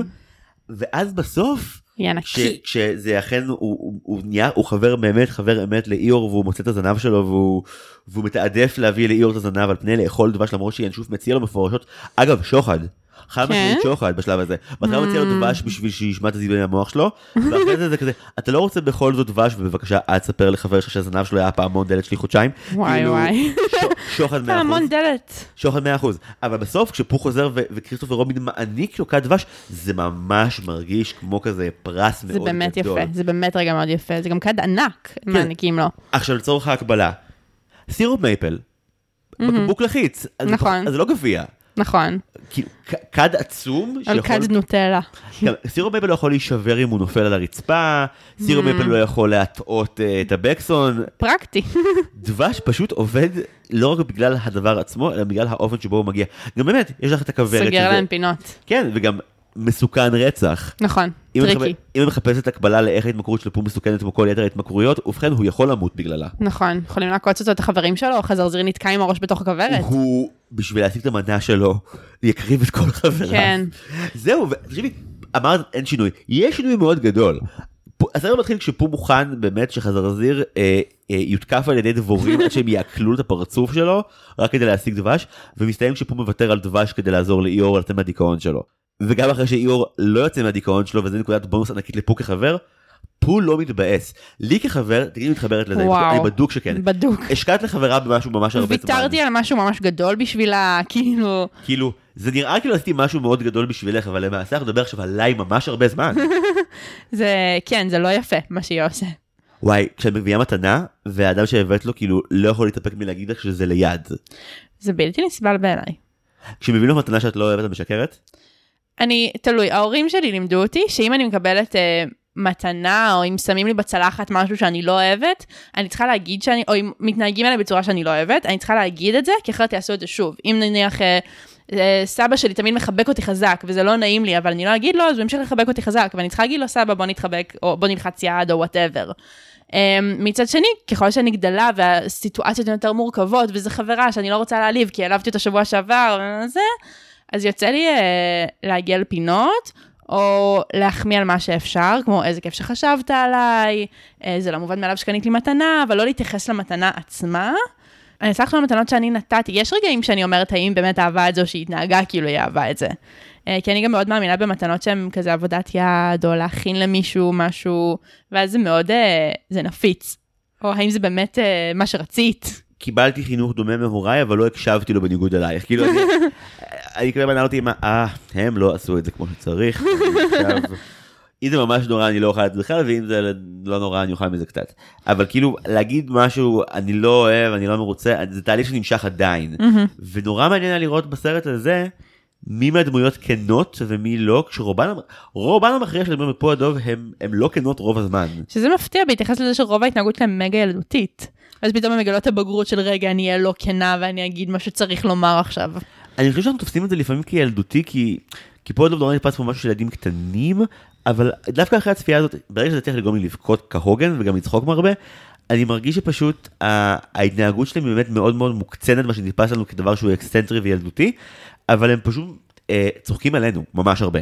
כי הם צוחקים על האופן שבו אנחנו נכנסים ללופים ולחרדות, mm-hmm. ואיך, והם צוחקים נורא, תחשבי על כל הדברים בראש, שרק בשבוע האחרון אה, יצא לך לנפח מתוך אה, חוסר ידיעה איך הם התפתחו, ואז תסתכלי על כאילו על הבקסון, זה אותו דבר. זה בדיוק אותו דבר. אני חושבת שהבקסון, אפילו, אני ראיתי את זה בהקשר של אה, כזה חרדה ממבחנים, או חרדה, מ, כאילו, זה פשוט חרדה נקודה, כאילו, זה לקחת משהו ולהעצים אותו בראש שלך עד שהוא... עד שהוא uh, טיגר בתחפושת, כאילו עד שהוא מאבד כל קשר למציאות ולמה שזה יכול היה להיות. אבל מה שיפה, לא יודעת אם יפה, מה שמעניין זה שגם כשכריסטופר רובין חוזר, ואגב, הוא חוזר עם כיפה, אתה שמת לב לזה? זה תלבושת של בית ספר אה, כן, מסורתי באנגליה. כן, התאמן לבר מצווה, כאילו. שאלתי את סיגל מיד כזה, הוא עלה לתורה עכשיו? מה כן. קורה עם כריסטופר רובין? זה- הסיבה שהוא הלך, הוא התגייר? אני אה, קיוויתי לא. שיהיה איזה רגע שהם ידונו בינם לבין עצמם, של כזה, אה, בעצם, כל הפחד, ש... כאילו, הם לא הכילו את הקהל בכפית. לא, זה הקטע עם פה הדוב, זה סרטים חדים, הם- כן. המוח שלהם יותר, מתכתב עם המקור הבריטי, הוא יותר ברוטלי, הוא פחות... אה, אז אז המסר האמיתי הוא. משאירים את זה גם פתוח לפרשנות, אבל גם כשסרט מסתיים, יכול להיות שהילדים לא מרגישים צורך שעכשיו יסבירו להם את כל מה שהם עברו, כמו שפשוט ירגישו ממש חזק שפו הרוויח את הדבש שלו בסוף. הוא ממש הרוויח את הדבר. אני חושבת שגם אם, כאילו, לפה יש המון אהבה. כאילו, אנחנו מרגישים אהבה גדולה כלפיו. אגב, היו רגעים שתהיתי האם הסיפור מסופר מנקודת מבטו של פו. משהו בהתנהגות של כזה, כולם ממש מריעים לו, או כולם פתאום ממש נגדו, כזה, זה שכריסטופר רובין קלירלי אוהב אותו יותר מאת כולם. האם אנחנו מקבלים אולי גרסה שהיא קצת מוטה במי כתב אותה? נראה לי אבל שמישהו מטה את הגרסה, כאילו, מכיוון שפו לא כשיר לכתוב שום דבר, כאילו, אם מישהו פה אה, מטה את הכיוון, את ה... מישהו פה מטה את המפה לכיוון, אה, לכיוון פו, זה אך ורק כריסטופר רובין. שאנחנו יודעים למה הוא אוהב את פו הרבה יותר מכולם? אני חושב שיש עניין כללי שאוהבים לדון בו על כזה, מי המספר בסרטים האלה? כי את מתחילה בתוך חדר של ילד נכון. אמיתי. ואז יש ספר, אבל בתוך הספר גם מסופר על הילד הזה ועל הבובות שלו, אז מי כתב את הספר הזה בדיוק? כאילו, אני חושבת שיכול להיות שזה... אימא של כריסטופר רובין רוצה להרדים אותו לפני שהוא הולך לישון, כדי לספר סיפור לפני השינה, אבל היא לא תספר סתם על מה שקרה לו היום, אז היא תספר לו על אלמנטים מחייו, כזה, היא תעביר לו מסרים על חבר טוב באמצעות זה שפו היה חבר טוב, אבל היא כן תשלב אותו בסיפור כדי שהוא יהיה engaged לדבר. אגב, כמו שדיסני ניסו בהקשר הזה, אה, כזה להלבין את הסיפור על איך הם עשו את מרי פופינס בלהציל את מיסטר בנקס, דיסני גם הוציאו את כריסטופר רובין, שהוא נועד להראות לך שא' א' מילן כאילו, האם אבא טוב, לא אבא טוב, וכזה איך הם מרחיבים את זה קצת מבלי להעלים לגמרי את האמת, שהיא לא כל כך נעימה לגבי, בוא נאמר שכריסטופר רובין הילד מקבל יחס הרבה יותר טוב כן. בסיפורי פו הדב, אז בסרטים גם יש נראה לי איזשהו כאוס סביב מאיפה זה מגיע ומה המקור, כי בסופו של דבר זה קודם כל אה, הפליאה של הילד שצופה בזה, ואל תחשוב יותר מדי על האם כריסטופר רובין קורא את הספר הזה או דמות בספר הזה, או גם וגם. או גם וגם. זה קצת קריפי לכתוב ספר על עצמך. ועל הבובות שלך. אה, זה דורש טיפול בעיניי. לא יודע, אני קראתי שבוע שעבר את הביוגרפיה של ביבי, והיה לי ממש מעניין. והפעם ההיא שבה הוא הציל את כולנו מהתופת, אני אומר אה, לך, או-אה. זה אחד הפרקים היפים. זה היה רגע. אני עוברת לראות אם יש עוד נקודות שממש רציתי להגיד ולא עשיתי את זה עדיין. אוקיי, שתי נקודות שמצאתי פה ברשימה שלי. אחת זה ציטוט שהוא פשוט יפה בפני עצמו ואפשר לעבור הלאה. זה רגע שפו אומר, אני דוב עם מוח לא כל כך גדול ומילים ארוכות מפחידות אותי. הבסיס לשיר אפריך. רגע נורא חמוד, משהו בכנות שלו, במודעות שלו כלפי עצמו, הדמויות שם מאוד מודעות, כאילו לרובן. זה קצת כמו בצבא, שכאילו את מאוד יודעת מה הפטורים שלך. כן. מין כזה, לא, לא, לא, פטור מילים ארוכות, עוד אני פעם. לא, זה, אני שבע שעות עונה. ננסח מחדש, אין לי אין לי כלים. ועוד נקודה שחשבתי עליה אחרי שראיתי את הסרט דווקא, זה שנניח כשמדברים על, אה, על מלך אריות, שהוא אה, סרט מאוד קלאסי וכולם אוהבים אותו וזה, אז כאילו אם אתה לא מכיר את העלילה, אתה מרגיש שזה לא פייר לבחור צד. או בהרבה סרטי דיסני אחרים, כאילו מי שלא ראה אותם לא יתעמק בהם, אבל פה הדוב, גם מי שלא רואה את הסרט, ברור לכולם שכל הדמויות חמודות, שאפשר לאהוב אותן, הוא מאוד מוכר מחוץ, כאילו הפרנצ'ייז מאוד עובד גם בלי שיש עלילה. כאילו, אני מכירה אנשים שלא ראו סרט של פועדוב מעולם, או ראו אותו פעם אחת כשהם היו ילדים, ועדיין יהיה להם דעות מאוד מבוססות, והם יצחקו מהמימס, והם יראו, וכאילו, משהו בהם מאוד מנגיש את עצמו מחוץ לסיפור. אני לא יודעת למה זה יפה בעיניי, אבל זה יפה בעיניי, ואולי זה גם קצת מתכתב עם זה שה... שלא ברור מי המספר ולא ברור מה הגבולות של הדבר, האם הגבולות זה באיור, בטקסט, בספר, בחדר של קריסטופר רובין, או מחוץ לבית בכלל בראש של כל אחד מאיתנו. כאילו משהו בזה שלכל אחד יש דרך למצוא נחמה בפועדוב, ולהסתכל עליו ולהתרכך, בלי קשר למה קורה בעלילה, כי אנחנו יודעים שהיא תגמר בטוב, ואנחנו יודעים שיהיה בסדר, ואנחנו יודעים שהמורכבות שם לא זהה למורכבות של uh, ג'פר ויסמין, אז כאילו, אז אפשר להירגע, משהו בו כאילו מרגיע קצת. אני יכול ממש להתחבר מהמקום של... Uh... קודם כל, לפני הכל, כנראה שפה הדוב זה פשוט נורא חמוד. חד משמעית. ומאוד קשה להיות uh, אדיש לזה. גם אני חושב שאחת ההפתעות בסרטים, כשאתה רואה אותם, ואת הדמויות שאתה רגיל לראות אותם גם באיורים פתאום זזות, זה שהצדדים הרבה פחות חמודים שלהם יוצאים החוצה. כאילו, מה למשל? טיגר. טיגר הוא דמות שברעיון היא הדבר הכי מתוק בעולם, ויש סצנות שאני באמת לא אוריד לו סטירה. גם ינשוף הוא דמות שבאיורים היא תמיד מקסימה, היא דמות יפייפייה. ואז מגיע הסרט הזה, ובאמת, רוב הכאב שנגרם לדמויות, רוב התסכול וה, והקושי, נובע מכך שלינשוף יש פחד להיות כן לגבי זה שהוא לא יודע מה מילה מסוימת אומרת. זה נכון, כן. זה נכון. הוא ממש מכניס אותם לברוך אחרי ברוך. ואני מתה לדעת איך הוא לקח לאיי את הזנב שלו. כאילו, מה השתלשל בדרך ש... אה, לא, רמזו. מה נרמז? הוא אומר, מצאתי את זה בשיח קוצני. כנראה שזה נכנס לשיח ופשוט נשאר שם. זה נורא עצוב, פשוט לקח, הוא לא זיהה, כאילו... זה שילד שכל כך מרוכז בעצמו, או שהוא מבוגר וראייתו כבדה, כן. זאת ההנחה הזאת, אבל כן, זה שהוא לא זיהה את, ה... את הזנב, וגם, זה נורא כיף לראות את פוש הוא דמות שבאמת הוא אומר בהתחלה אני לא טוב עם מילים ואני מסובך ו- וכאילו האופן המאוד איטי שבו הוא מבין שפעמון הדלת של ינשוף ובפירוש כן. הזנב האבוד של איור שכל הסרט הם מחפשים אגב כתיבה טובה אני שכחתי מזה כבר בשלב הזה כאילו כבר די, זה הרגיש די עברנו הלאה מהקטע של הזנב והם אה, נעצו את זה מעולה בסוף. נכון.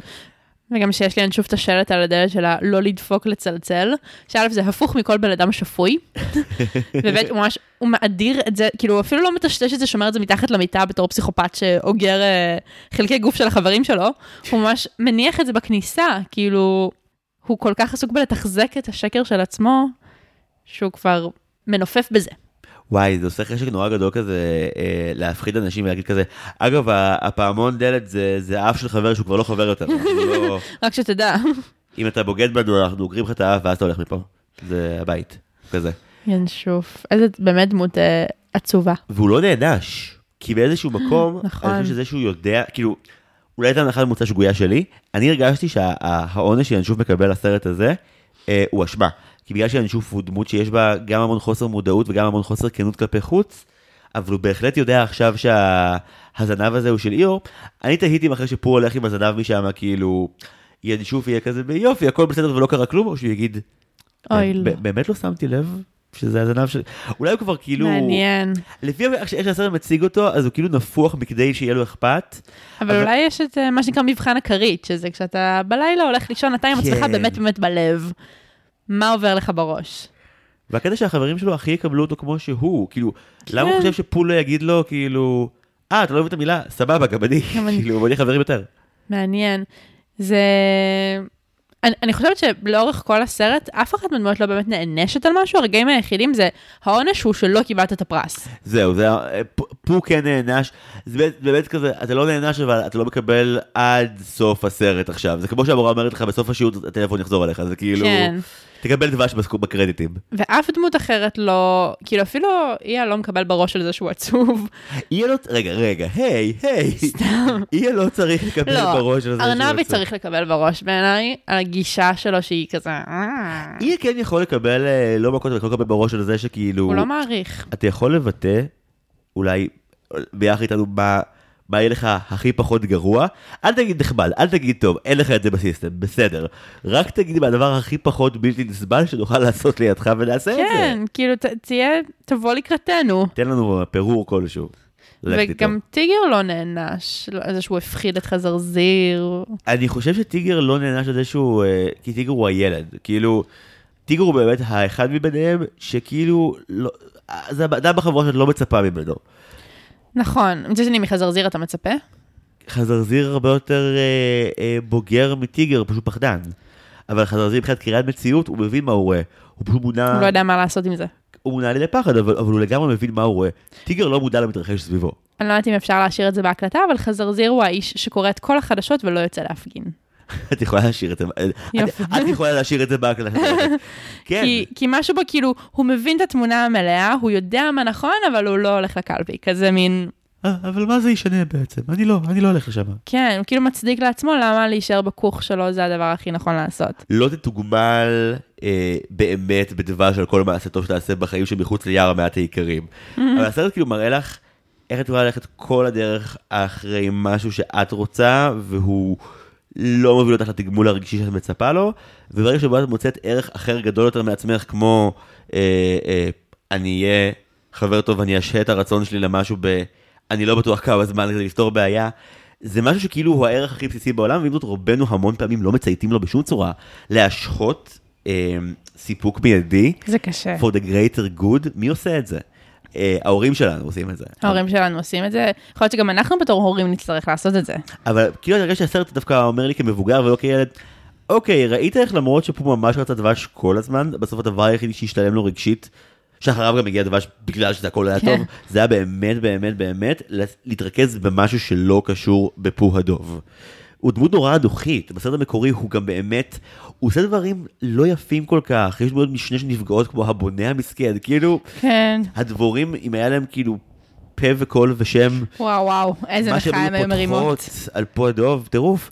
ובסרט הזה מישהו בא ואומר, אוקיי, הבה נזכור שבסופו של יום, לא משנה כמה החברים שלנו דפוקים, שרוטים, מרוכזים בעצמם, פחדנים ולא כנים, הם החברים שלנו, נעשה משהו למענם, נהיה הרבה יותר נשכרים בסוף היום.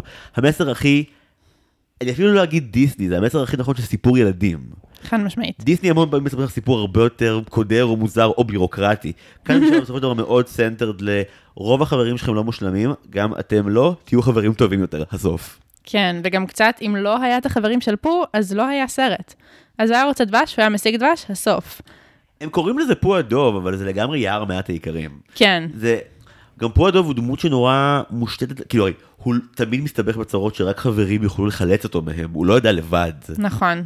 לא, הם כולם שם תלויים אחד בשני באיזה יחסי גומלין אה, שביולוגית הם מוזרים, כי החיות האלה מהן קשורות אחת לשנייה, אבל אה, אפילו, תאורטית טיגר יכול לטרוף אותם, כאילו הוא חיה שלא תבחר אבל באמצעים. טיג- תיאורטית לפי הטבע, אבל בפועל... לפי הטבע, אבל בפועל אתה לא מעלה את זה כאופציה אפילו, בשום שלב. הם גם לא מתעניינים, כאילו הדיון הגזעי או המוצאי מתרחש על כמה התרבויות שלהם שונות זו מזו, על כמה שבאמת ארנבי הוא מג"ד וטיגר הוא, הוא ילד מופרע שלא יודע מה קורה סביבו, אז זה יוצר קונפליקט, אבל הם אף פעם לא אומרים, אה, זה בגלל שאתה נמר, זה בגלל שאתה ארנב. זה לא קורה שם, מבחינתם הם מאוד רואים אחד את השני כשווים, כי כולנו פה ביער, כולנו, לכולנו מטרה משותפת שכולם יהיו סבבה.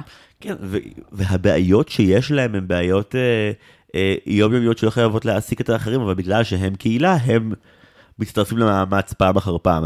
גם אם זה אחרי מטרות מפגרות כמו להילחם או ללכוד מפלצת שלא קיימת. אבל ברגע שכולם ביחד בתוך זה, יש גם את הרגעים היפים שהם כזה יושבים כולם ביחד בבור, וכל אחד תורם את חלקו לאיך אפשר לצאת מכאן, אבל זה גם, זה רגע מאוד, אה, זה רגע מגבש בקטע קצת מוזר. כאילו שנה אחרי זה, כשהם ייזכרו ברגע הזה, אז הם לא דווקא יזכרו את, את הפחד שהיה להם, כמו את ה... איזה צחוקים כשהיינו בבור, וארנבי צעק קנות, וחזר זיר לא הבין אותו, קורע. כן, גם מאוד מכילים. זה שכאילו, ינשו וטיגר וארנבי עדיין חברים בקבוצה הזאת, אף אחד לא אומר, עופו מפה, אתם משגעים אותנו. זה רק מראה כמה, כמה הכלה יש במעגל הזה, ששוב, אפס הכשרה טיפולית, אבל 100% הכלה. זה כמו אנשים שפתאום אה, כזה מתגעגעים לקורונה, שאומרים איזה כיף היה בסגר. היינו ביחד, כן, הכנו. מחמצת. כן, לירי הכינה סולם מאותיות, חיפשנו החוצה, היה ממש יפה. בסוף, יש אה, תחושות שהמוח שלנו זוכר יותר מאחרות. למשל, אנחנו, כמו שאנחנו זוכרים טעם יותר משאנחנו זוכרים ריח, אבל אנחנו זוכרים שמחה הרבה יותר משאנחנו זוכרים כאב. כאב פיזי זה משהו שהמוח שלנו לא באמת יכול לזכור. כאילו, הוא מאוד מטשטש אותו ומעלים אותו, ו... ופחד, אתה זוכר שפחדת, אבל אתה לא, הגוף שלך לא ישחזר את התחושה הזאת, כמו שהוא יכול לשחזר תחושה של, יואו, איזה כיף היה כשנשכבתי על המיטה, ואחרי יום נורא קשה וכל הגוף שלי הרפא, את זה הגוף כן יכול להיזכר בחושים שלו, בשרירים, מה זה היה. ובגלל זה, בסוף אנחנו מפלטרים לטובת מה שאנחנו רוצים לזכור, ולא לטובת ה... כאילו, כלומר, כשיש טראומות קיצוניות, אז כן, אז פתאום המוח פותח תיקייה חדשה. אבל uh, כשהם פשוט ישבו בבור והיו צריכים שנייה לחכות שמישהו יעזור להם לצאת, בדיעבד הם יזכרו את, ה... את הטוב שהיה בזה. או הם יזכרו את זה שהם שרו על הבקסון, אבל לא את הבקסון, כי אז הם כבר יודעים שאין להם ממה לפחד. הם יודעים שבסוף זה נפתר בטוב. פו היה מאוד מאוד רעב לאורך כל העלילה, אבל בדיעבד הוא פשוט יזכור את הדבש הגדול שהוא קיבל. לא יודע, אני פשוט חושב על זה עכשיו, אני ממש... אני נורא מרגש באופן שבו אתה מצליח. אה, תראה, אנחנו כבר שעה, כמעט שעה וחצי. ומשהו ביכולת אה, להתפעל ולנבור ככה בסרט שבאמת התחלנו להגיד סרט ילדים ולאט לאט את כזה היי הנה כל ההתנהגויות הנה כל ההתנהגויות שלי גלומות בזה וזה גם די מהנה וזה אה, זה היה פצצה לסיום רציתי לשאול אם יש שיר אחד שנתקע לך אחרי הסרט ואם כן אז איזה. Uh, שמעתי, אחרי שהתעצבנתי על התרגום החדש, שמעתי שוב את פואד דובון בתרגום המקורי, והוא השיר שנתקע לי בראש. um, אבל באמת הכי יפה הוא השיר של הפנטזיה דבש, ש... כאילו, טיגריזציה זה חמוד, לא מספיק טוב מוזיקלית. Uh, אין מה לעשות, פה הוא, הוא לא יודעת אם הוא הגיבור, אבל הוא הכי כובש את הלב. לגמרי, אני מסכים שטיגריזציה, גם טיגריזציה וגם שיר הבקסון הם כאילו, הם שירים נורא כיפים, אבל בסופו של דבר הם, הם גם שירי קצת צחוקים, וגם כל שיר שטיגר מעורב בו לא יכול להיות לגמרי הרמוני, כי הוא תמיד לא נכנס בהברות כי הוא מקפץ. שיר הדבש הוא באמת, אה, כל מי שמכור לכל דבר, בין אם זה לשוקולד, קפה, סיגריות, קוקאין, לא משנה. פשוט תראו את ה number הזה ותבינו איך, איך כולנו נראים מהצד, מסתבר ברגעי, ברגעי קושי וכמיהה. אה, לירי בר, היית אורחת מעולה, תודה רבה שבאת. היה לי תענוג, תודה לך. יש, אה, בכל זאת משהו שלך שאם הגולשים רוצים לפגוש יותר, לשמוע, לקרוא, לראות, איפה משיגים אותך? וואו, שיעקבו אחריי באינסטגרם, זה לירי שכתוב L-E-A-R-Y. כמו לארי, B-A-R-R, שזה לירי בר, כתוב מוזר, אבל uh, נראה לי שימצאו את זה. לירי בר כתוב מוזר, זה, זה קליט ואנחנו ניקח את זה. תודה רבה לכל מי שעוזר לנו עם ההסכת, תודה רבה למלחין שלנו, נועם טבצ'ניקוב, למעצב, טל סולומון ורדי, למחלקת התחקיר שבה נמצאות אה, אוריה אורן יוסף וסיגל צחורי, ולאחרית השיווק שלנו, סתיו צימרמן פולק. זהו, אם אתם מחבבים אותנו, מוזמנים לעשות לנו חמישה כוכבים בספוטיפיי או אפל פודקאסט, ובעיקר להמליץ לחבר או חברה שגם אוהבים דיסני, או סתם אנשים שחופרים על קולנוע. זהו, שוב, לירי, תודה רבה שבאת כאן. תודה רבה, היה לי מה זה כיף. גם לי ממש. אני זיו הרמלין שדר, ועד הפעם הבאה, היו שלום.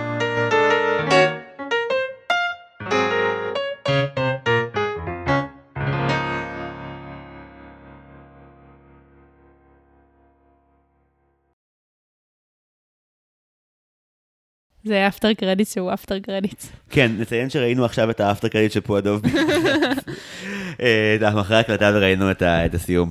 אה, אז יש בקסון? אז יש בקסון, אבל הוא ממש חמוד, ואני חושבת שזה הרבה יותר יפה מאשר אם לא היה בקסון בכלל. זה כאילו להכיל את זה שמה שאנחנו מפחדים ממנו הוא כן אמיתי בסוף, אבל הוא לא מה שאנחנו חושבים שהוא.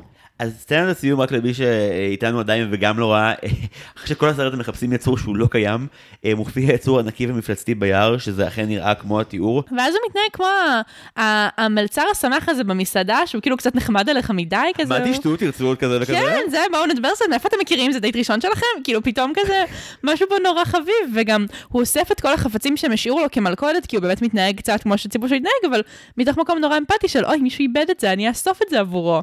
ו- וכשהוא בבר הוא אפילו לא מתעצבן, הוא כזה רק חושב, טוב, הוא בטח יחזור בקרוב להוציא אותי. אני מאוד מקווה שעוד נראה מתישהו בעתיד הרחוק סרט המשך. מה, סרט על הבקסון והמשפחה שלו? ממש. חוויה. ואיך אה, חברי יער מעט העיקרים מגלים שהוא כן קיים. זה כנראה לא יקרה, אבל זה יופי של אפטר קרדיט. אה, והי, זה גם היה יופי של אפטר קרדיט. יופי, תודה שהקשבתם. ביי.